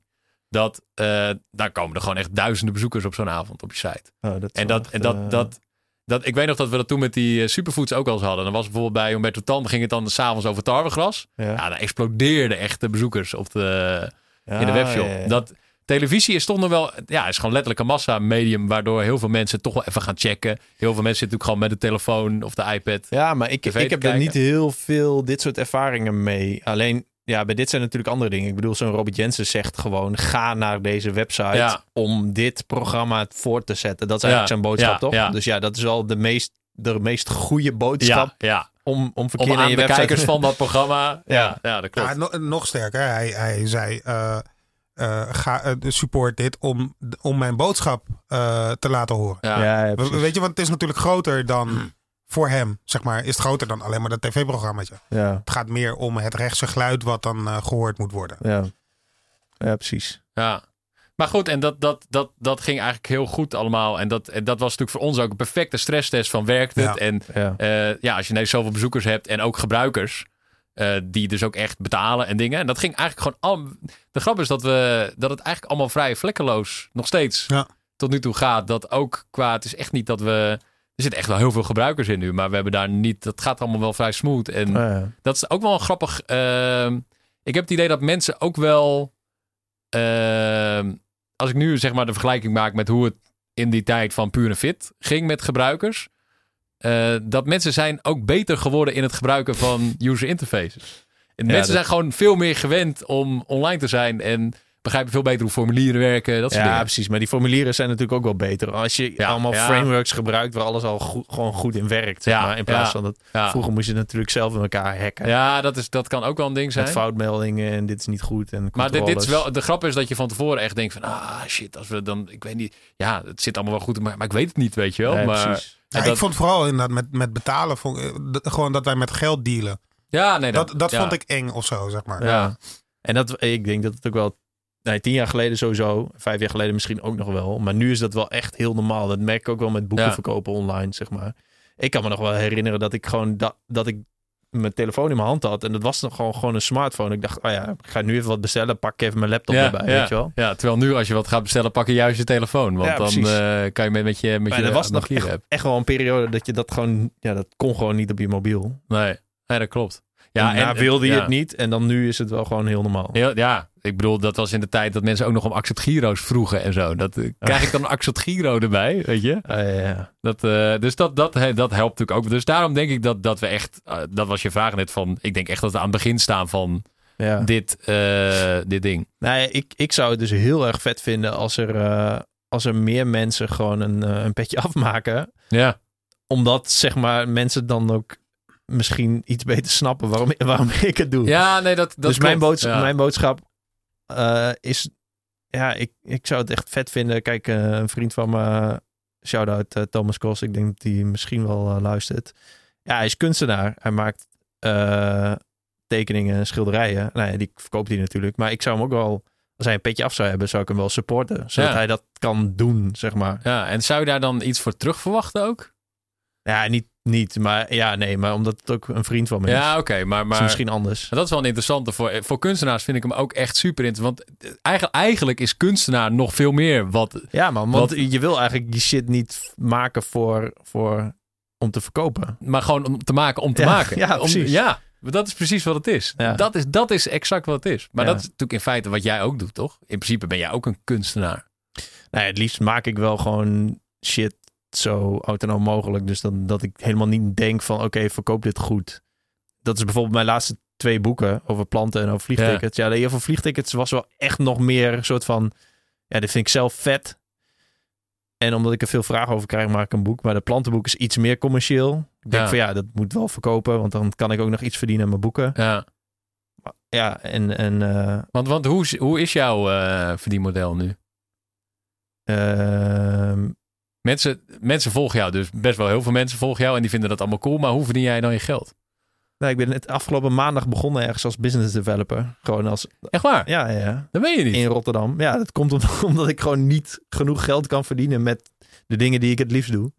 Alhoewel dat een enorm mooie klus is. Het Ja. wel in Rotterdam. Oké. Met wel forensen. Maar doe je dat eh, in dienst? Of, eh, ja, ja. Oké, Ja. hoeveel dagen dan? Vier. Echt waar? Ja. Nee. Dus Ja. wij zitten nu op je vrije dag. Dit is mijn we- vrije dag. ja. Ja. Ik zei ja, ik wil maandag tot donderdag werken, want vrijdag podcast ik. Ja. Maar dat, dat, ik vind dat, eh, dat, dat geeft dus wel aan dat, je, dat er nog niet een heel goed verdiend businessmodel achter zit. zeg maar. Nee, ik, ik, een, een tijd lang ging het heel erg goed. Ook met eh, gesponsorde dingen via Instagram en via mijn blog ook. En dan Mhm. had ik eh, display advertenties en, eh, en ehm, ehm, ja, gesponsorde posts eigenlijk. Ja, Maar ik heb gewoon letterlijk gezegd dat ik dat niet meer wilde. Want ja, ik, ik stond daar niet echt achter. Terwijl ja, dat, daar kun je wel, als je een beetje bereik hebt, kun je daar wel echt eh, ja, gewoon van leven. En dat wilde ik niet. En, ehm, maar ik heb, ik heb alleen de afgelopen anderhalf jaar eh, niet ergens vastgewerkt. Daarvoor werkte ik er ook wel naast. Ah, oké. Ook eigenlijk als business developer. Het is een Ah, beetje hetzelfde. Oké, oké. Maar het is ook Dus niet dat je dat heel erg vindt of zo. Nee, nee, ik vind het ook niet heel erg. Sterker nog, het is ook wel best wel chill voor andere dingen. Zoals bijvoorbeeld eh, eh, een hypotheek krijgen. Ja, Om misschien ja, een keer een huis te ja. kopen. Maar als, als, als jij nu ehm, genoeg zou krijgen op andere man- manieren, waardoor jij wel echt helemaal gewoon jouw ding kan doen zoals je dat wil doen. Zou je dan stoppen of niet? Ja, dat weet ik dus niet. Omdat toen ik zeg maar wel lekker ging met die eh, advertising, toen werkte ik er ook naast. En eh, een van de redenen waarom ik dat ook vet vond, en naast gewoon een vast inkomen, is dat ik het tof vind om met een, eh, met een team ergens aan, aan te werken. ja, het is wel heel eenzaam. Ja, Nee. precies. En, eh, en gewoon een soort van. Wat ik nu ook wel weer merk. Ik heb net vier dagen, eh, vier dagen ben ik er geweest. En dan, en dan moet je dus met je in de spits met de trein. Gelukkig wel in City direct naar Rotterdam tussen de forensen. En dan ga je naar een kantoortje toe waar iedereen eh, aan bureautjes zit te werken Ja, en zo. Ja, En die structuur, ik vind, dat, ik vind dat heel erg mooi als een soort van spiegel. Waartegen ik dan weer ga lopen chagrijnen. ja, ja, Ik heb ja. dat wel echt, ik heb dat wel echt gemist, kwam ik achter. En ik dacht, ja, ik ik vind het, het maakt me creatief of zo. Ja? Ik denk van ja, dit is dus zeg maar de. eh, ehm, ja, gewoon hoe, hoe saai en gemiddeld zeg maar een kantoor is. Maar ik heb, ik heb dit. Want ik, Shit, ik hoop niet dat ze luisteren. Jammer, ja. dat was leuk die proeftijd, maar... eh, Nee, joh, maar die gemiddelde gasten houden dit echt geen anderhalf uur vol. nee, Dat, dat is eh, waar. Dat is waar. maar ik, ik heb dit heb ik heel erg gehad. Ik werkte vroeger eh, bij Sloterdijk. Ja. Nou ja, een troostelozer eindstation kan je niet, kan je niet hebben. Want de, de, de eindhalte Isolatorweg, daar ging je dan met z'n allen, stapte je om acht uur ergens in de metro. Oh, En stapte je daaruit Ja. met z'n allen. En liep je met z'n allen als schaapjes naar kantoor. Nou, Nee, maar ik, heb daar, ik heb daar echt eh, in, in bushokje m, tijdens de pauze zitten janken. Gewoon van, wat de fuck doe ik hier? En, maar dat was wel een motivatie om te gaan doen wat ik echt wilde doen. Ja, maar het, het, het, het zijn details van... Kijk, want nu, nu gaan we natuurlijk... Zijn we iedereen eh, aan het eh, schofferen die luistert. nee, maar de, de, details van, van eh, kantoorwerk, zoals zeg maar zo'n troosteloze locatie waar het meestal is. En, en gewoon dat je de hele dag op je bureaustoel moet zitten en je collega's te e-mailen. Ja, dat, dat, dat zijn soort van details die niet, eh, niet iedereen heeft precies dat werk, zeg maar. Nee. En, en, en een kutlocatie en kutwerk en kut Nee. collega's en, en eh, dat je ziek wordt van de kantoorlucht. Maar ik weet wel, wat, het is natuurlijk gewoon heel. eh, het, het, heeft, het, maakt, het gaat niet om de locatie. Moet je eens kijken waar ik woon. Het gaat niet om waar ik de hele dag zit. Ik bedoel, Ja. het gaat ook niet om dat je dan als schaapjes naar je, achter elkaar uit de trein naar je locatie toe loopt. Maar het gaat natuurlijk om het gevoel van vrijheid wat je niet hebt. En het feit dat je. Tenminste, dat is mijn. eh, Ik denk als je dieper kijkt naar. Dat je daar dus zou moeten zitten. Mhm. En dat je dan dingen moet doen. En dat dingen dan. Snap je? Ja, ja, precies. Dat, dat, is, dat is mijn hele ding daar tegen. Ja, maar ik vind dit, wat ik nu aan het doen ben, is, dat vind ik heel erg vet. Ik vind het alleen niet vet om te treinreizen en op een kantoor Ja, te zitten. Ja, ja. en dat is, dat Ah. is een beetje... Maar wat ik dus net zei, is dat ik, ik vind het ook wel prima. Ik bedoel, als, het echt, als ik het echt eh, kut vond, dan, dan was ik zeg maar na dag één gestopt. Ik vind het wel mooi dat nu die structuur er weer is, zeg Ja. maar. Dat je, Ik kan me daar ook wel weer iets bij voorstellen hoor. Dat Ja. geeft misschien ook wel weer een beetje een. eh, Ik bedoel meer dat het, dat zeg maar, oké, dit, is, dit, dit is dus werken in een organisatie. Dus met z'n allen kun je ook meer doen, omdat ja, dan, dan heb je allemaal mensen die overal verstand van hebben waar jij niet verstand van hebt. En kun jij aan iets groters werken. Dat vind ik vet. Bovendien kan ik iets bieden wat die andere mensen dan niet, niet hebben. ja. En het is een soort van spiegel voor wat ik dan lekker in mijn eentje kan doen. Dan Ja. denk ik altijd van, oké, dat daar moet ik het zo doen. En dat, dat versterkt alleen maar de dingen die ik dan lekker in mijn eentje kan doen. Ja. Dan denk ik, oké, en dan kan ik alleen, kan ik gewoon doen wat ik wil. Maar zie jij, dan, zie jij dan de dingen die je alleen doet als een hobby? Of wel echt als een missie of werk? Of... Nee, ja, ik heb, ik heb eigenlijk niet een ambitie of een missie in mijn leven of zo. Dat, dat, daar ben ik de afgelopen jaren wel achter gekomen dat dat eigenlijk best wel megalomaan of zo is. Ik bedoel, ja, we zijn met z'n 7 miljarden. Wat- Ja. Wie ben ik dan om dan... Ja, maar je hebt wel een drang om te creëren. Ja, maar dat is volgens mij gewoon menselijk. Omdat, je- nee, maar dat is Nou. gewoon wie jij bent, toch? Jij wil gewoon. Ja, maar iedereen wil toch gewoon prutsen en frummelen en eh, hobby's en, en onzinnige dingen Nou, doen en, en- en en- vissen en eh, Weet je wat, met eh, treintjes spelen. De grap is dat. Volgens mij is dat ook letterlijk wat, eh, wat passie is. Ik had laatst een, dat, een heel grappig gesprek met ehm, een vriend van mij, die is automonteur. En daar zou je dan niet direct van zeggen van die. eh, die hebben onwijs een passie of zo. Dat doet hij echt vanaf zijn zestiende, weet je wel. Ehm, en de grap is dat ehm, hij eigenlijk dezelfde soort passie heeft voor eh, die auto's. Als dat ik heb voor dingen die ik aan het maken ben. man. terwijl je altijd maar denkt van ja, maar ik ben die vrije jongen en ik volg mijn. Terwijl hij gaat gewoon iedere ochtend om acht uur naar zijn werk. En, en maar oké, dan niet per se. Ja, maar hij heeft dan iedere keer hobbyprojecten, zeg maar, waarin hij zich gewoon helemaal kan verliezen. Dus dan Ja. gaat hij gewoon een, een koopt hij een camperbusje. En dat gaat hij dan helemaal ombouwen. Of Ja, koopt is- een busje en dan gaat hij ombouwen tot camper. Ja, maar dat is toch ook, dat zijn ook video's op YouTube die zo, zo Ja. fucking vaak bekeken Ja. worden. Omdat dat spreekt gewoon aan. Dat je iets maakt en dat je een projectje hebt. En, dat En, je en hij, hij zegt ook van dat, dat daar ben ik dan. en Ik dacht altijd dat ik daar dan een soort als creatieveling een soort van de enige in was of zo. Maar hij zegt ja, daar ben ik dan gewoon de hele dag mee bezig in mijn hoofd. ja. Ik kan gewoon niet ergens anders mee bezig zijn. En dan zelfs als ik aan het werk ben, ben ik ondertussen. Ja, dat is exact wat ik bijvoorbeeld nu met zo'n petje af heb. Weet Ja. je wel? Dat je, dat je maar gewoon- dat, zit- dat, zit, dat zit volgens mij in echt... Ik denk dat iedereen wel zo'n voorbeeld kan verzinnen. dat denk ik ook. Maar ja. dat is met eten koken net zo. Dat is ook zoiets. Of iedere andere hobby. Dat je iets in elkaar prutst. eh, die, eh, die vriend van mij, die eh, dus kunstenaar is. Ja, dan... Ik bedoel, dat, dat is gewoon precies dat, zeg maar. ja, Want het, het is ook helemaal niet... Ik vind het ook lekker dat al dat maken, dat het helemaal niet efficiënt hoeft te zijn. Nee. Sterker nog, meestal, ja, het is eigenlijk het tegenovergestelde. Ik heb laatst, eh, ik heb dit t-shirt, wat ik nu aan heb, heb ik zelf in elkaar genaaid. Eh, en zo heb ik er nog wel meer gemaakt. En, dan, en als ik dat dan post, dan reageren best wel vaak mensen met... eh, ik, had, ik had het gepost en dan had ik erbij gezet... ehm, ja, ik kon eigenlijk nooit het t-shirt vinden wat ik, waar ik naar op zoek was. Wat echt het beste bij mij paste. En ik wilde graag dit, dit leren om te maken. Dus ik dacht, ik maak het gewoon zelf. En dan reageren een paar mensen of sturen ze me een DM.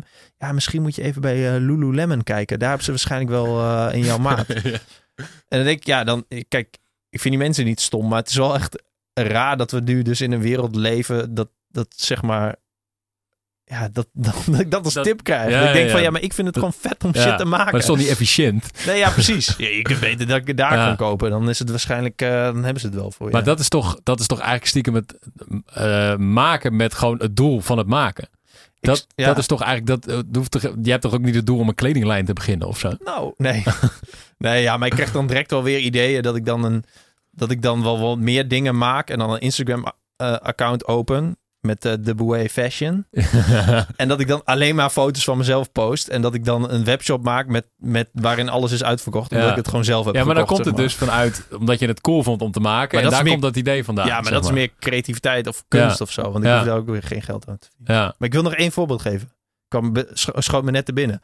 Ik heb een kapper, die is Surinaams. Ja. En ik wilde dus eh, een Surinaams gerecht maken. En toen zei ik tegen hem, ik eh, maar wat is dan de beste Surinaamse winkel waar ik eh, die masala kan kopen? Want die is anders dan die, die Indiase natuurlijk.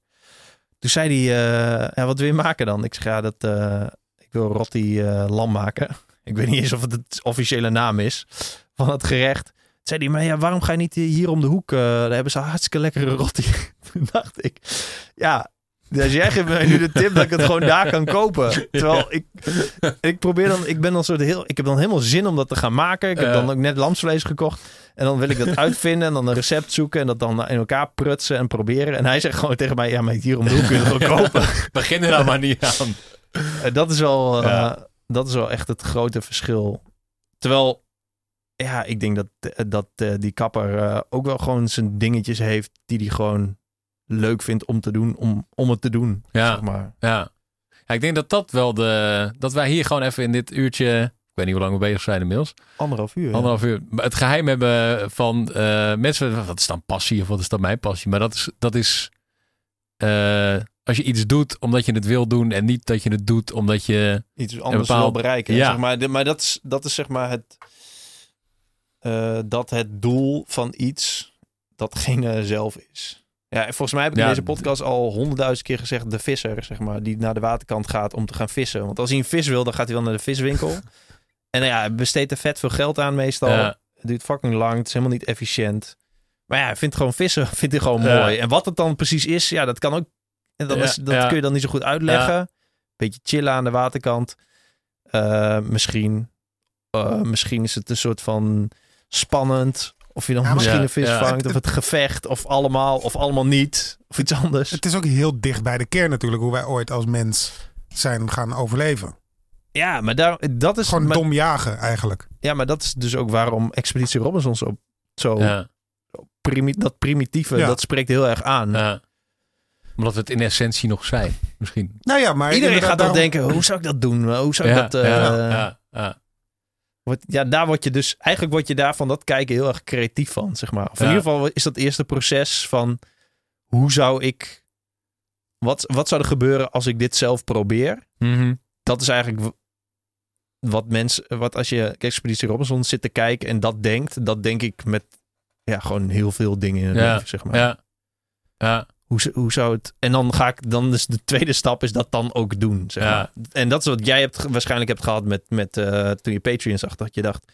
hm, ik kan volgens mij developen. Ja. Wat, zou, wat zou er gebeuren als ik dit... Ja, ja. En dan, dan is het ook daarvan 100, zeker in het begin was het gewoon puur voor mezelf. Vond ik het gewoon heel cool om te maken. En dan, ik heb echt uren gewoon eh, dat zitten maken. En dan uren er doorheen zitten klikken van, hey, het Ja, werkt. Vet werkt, man. ja. Hey, moet je eens kijken wat er gebeurt. Hey, eh, cool. Dat zou hem nu misschien ook hebben. Ik weet niet of je daar nog heel actief in bent. Ik denk dat ik de, de, de helft van de gebruikers op Yellow ben. dat ben jij zelf. Ja, dat herken ik heel erg. Nee. Maar dat is wel de, volgens mij waarin je herkent dat je met iets bezig bent wat gewoon 100% is wat je, wat je op dat moment in ieder geval moet doen of zo. Ja, maar, maar Maar, ik heb nog eh, eh, mijn ik heb hij dit van zijn vinger op, luisteraars. mijn, ik heb dit van mijn moeder namelijk. Maar weet je wat mijn moeder doet? nou, Handwerk. Die doet die heeft altijd of iets te breien, of iets te haken, of iets te borduren. ja. Die weet mijn god niet waar ze de borduurwerkjes op wil hangen, want het is geen kind dat het wil hebben. Ja, laten we heel eerlijk zijn. Harteloos, Nee, ja, van harteloos. Maar heb je wel eens een borduurwerkje? Oké.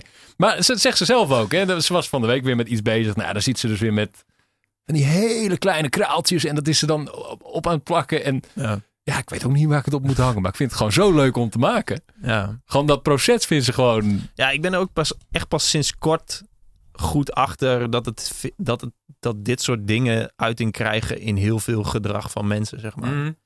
Ik vond ook heel lang heel veel shit die mensen deden nutteloos. Maar ja, Ja. volgens mij, en heel veel dingen zijn dat dus eigenlijk helemaal niet. Of tenminste vind ik nu helemaal niet meer Maar zoals wat dan? Ja, ik weet niet of ik zo snel een tastbaar voorbeeld kan vinden. Nou ja, misschien zoals, zoals dat andere mensen eten koken nutteloos vinden. Kijk, daar hou ik heel erg van om iets te maken Mhm. en ook shit die heel lang duurt.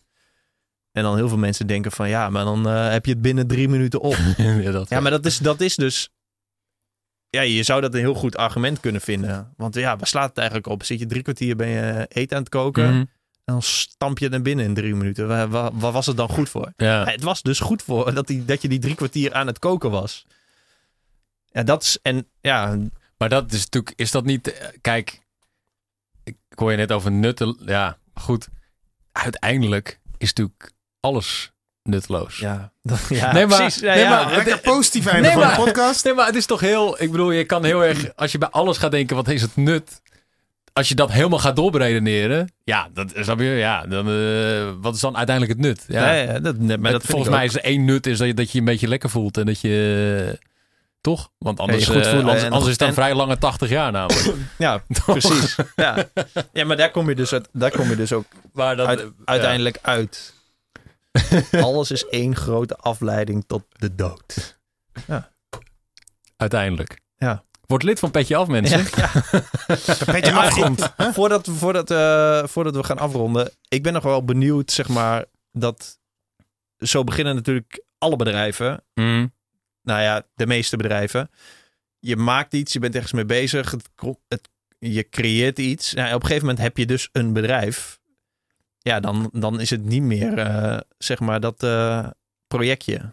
Ja, welke fase zit dat nu? Kun je dat dan een beetje voorspellen? Of nou, ga het is, verkopen aan een of andere grote conglomeraat? het is wel, het wordt, is nu wel, het is inderdaad niet meer een hobbyprojectje. Het is wel super serieus. Het is ook een BV en weet ik het allemaal. Ja.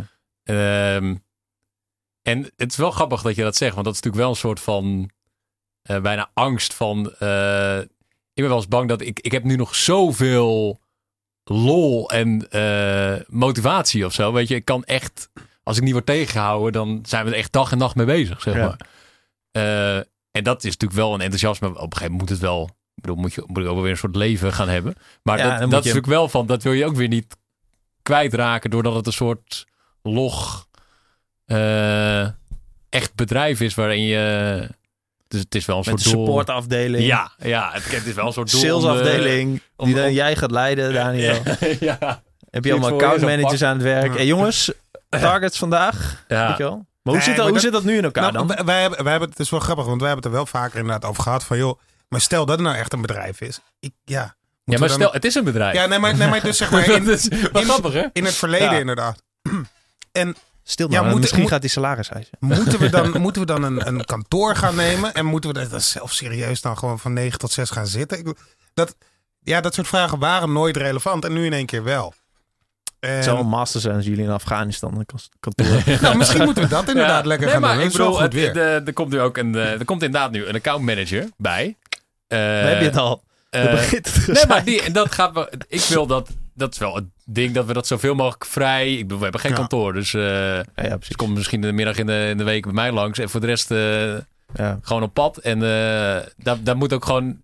ik- Ik geloof wel heel erg in dat je met mensen werkt die. waar je zo vertrouwen in hebt. En die waarvan je gewoon overtuigd bent dat het goed gaat. Dat mensen dat gewoon zelf wel kunnen regelen of zo. Snap je? Ja, die- dat begrijp ik heel goed. Ja. Maar ja, en, en- ik, hoe dat in de praktijk gaat zijn, geen idee. Wat gaat de accountmanager doen?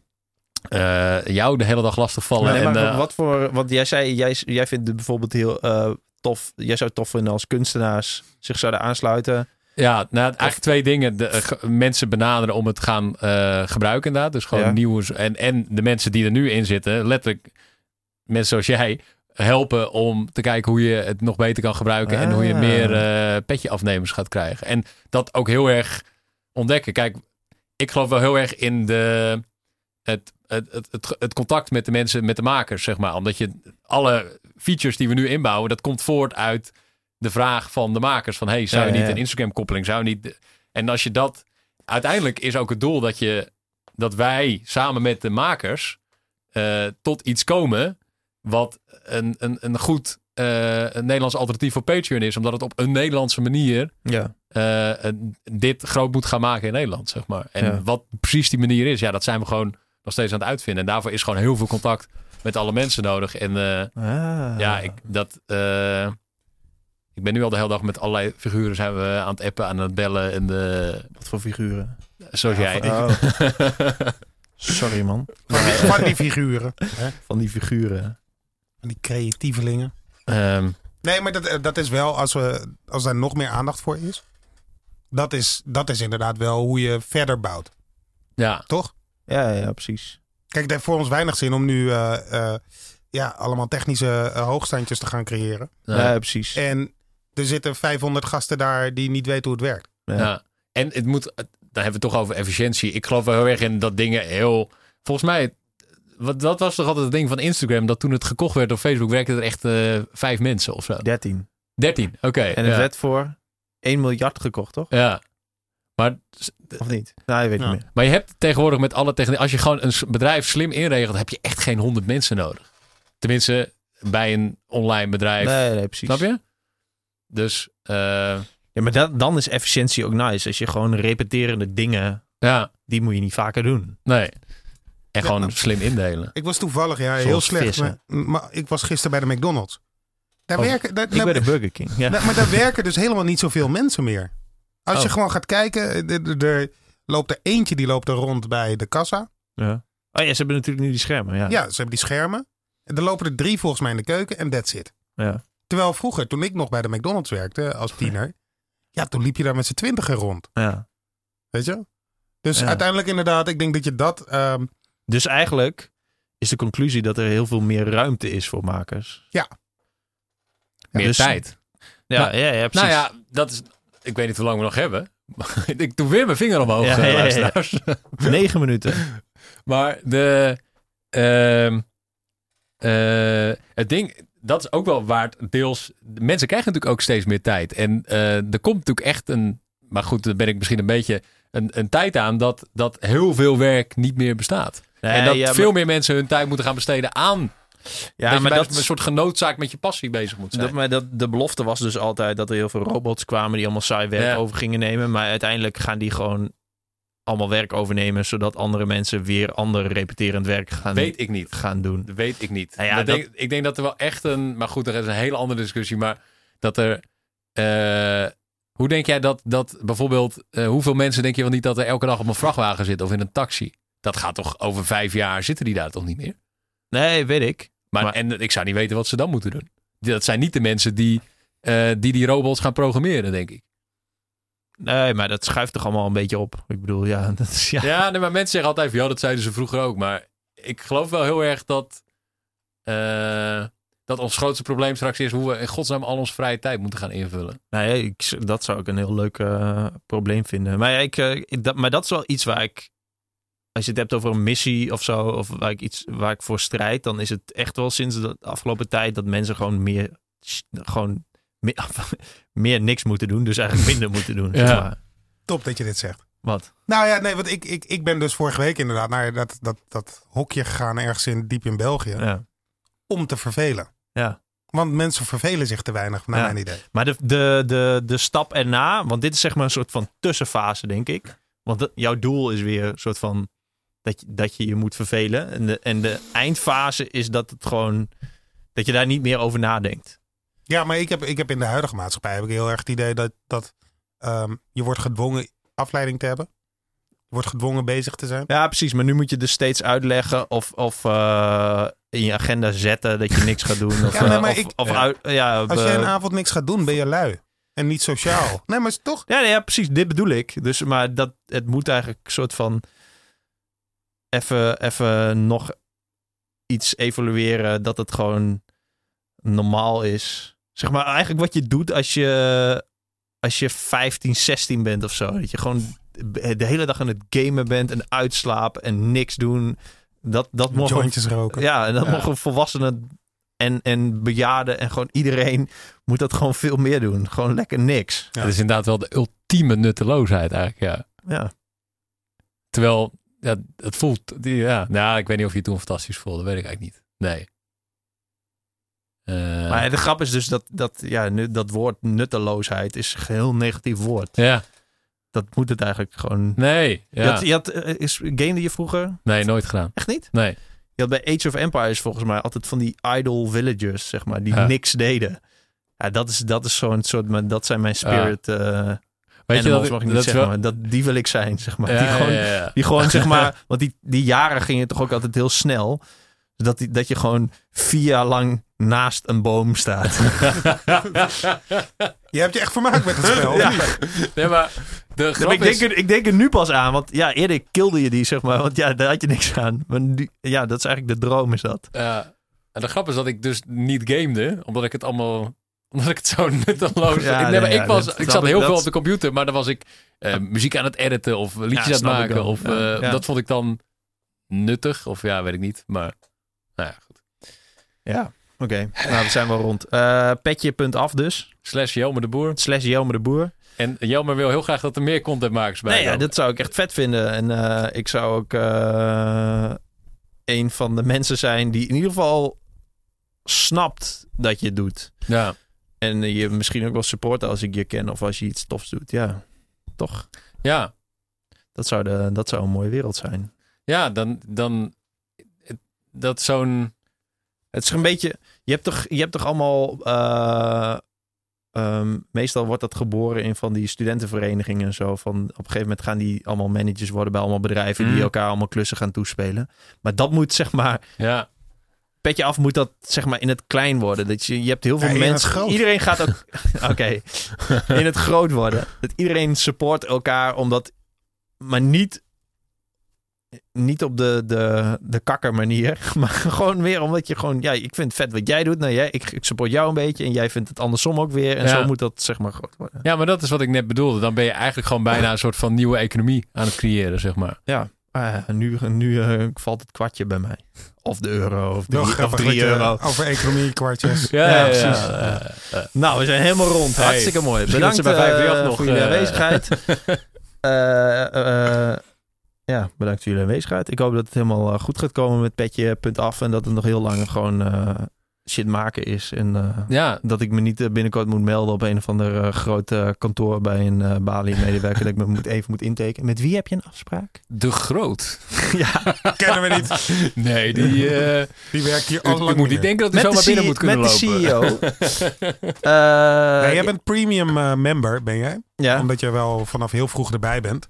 Dus ook als wij multinational en super, ja, eh, Nee, maar gewoon de Amsterdam Toren hebben. ja, ja, ja, precies. mag ik dat als, als laatste nog zeggen dat... dat, eh, dat ik denk dat Jelmer echt serieus een van de eerste is die wij hebben benaderd. Nice. Om- omdat ik jou echt een soort van ultieme content maken vind die gewoon iets maakt. Puur omdat je het wil maken. Ja. En dat, dat is natuurlijk precies wat de mensen die, eh, die dit soort platformen zouden moeten gebruiken, denk ik. Dus eh, dat we jou uiteindelijk zover hebben gekregen. Met Ja, ja, ja, dat had wat voeten in de aarde. ja. Had wat voet in de aarde. Maar dat was eh, enerzijds omdat ik mijn autonomie niet wilde verliezen. Ja, en anderzijds omdat ik gewoon lui ben.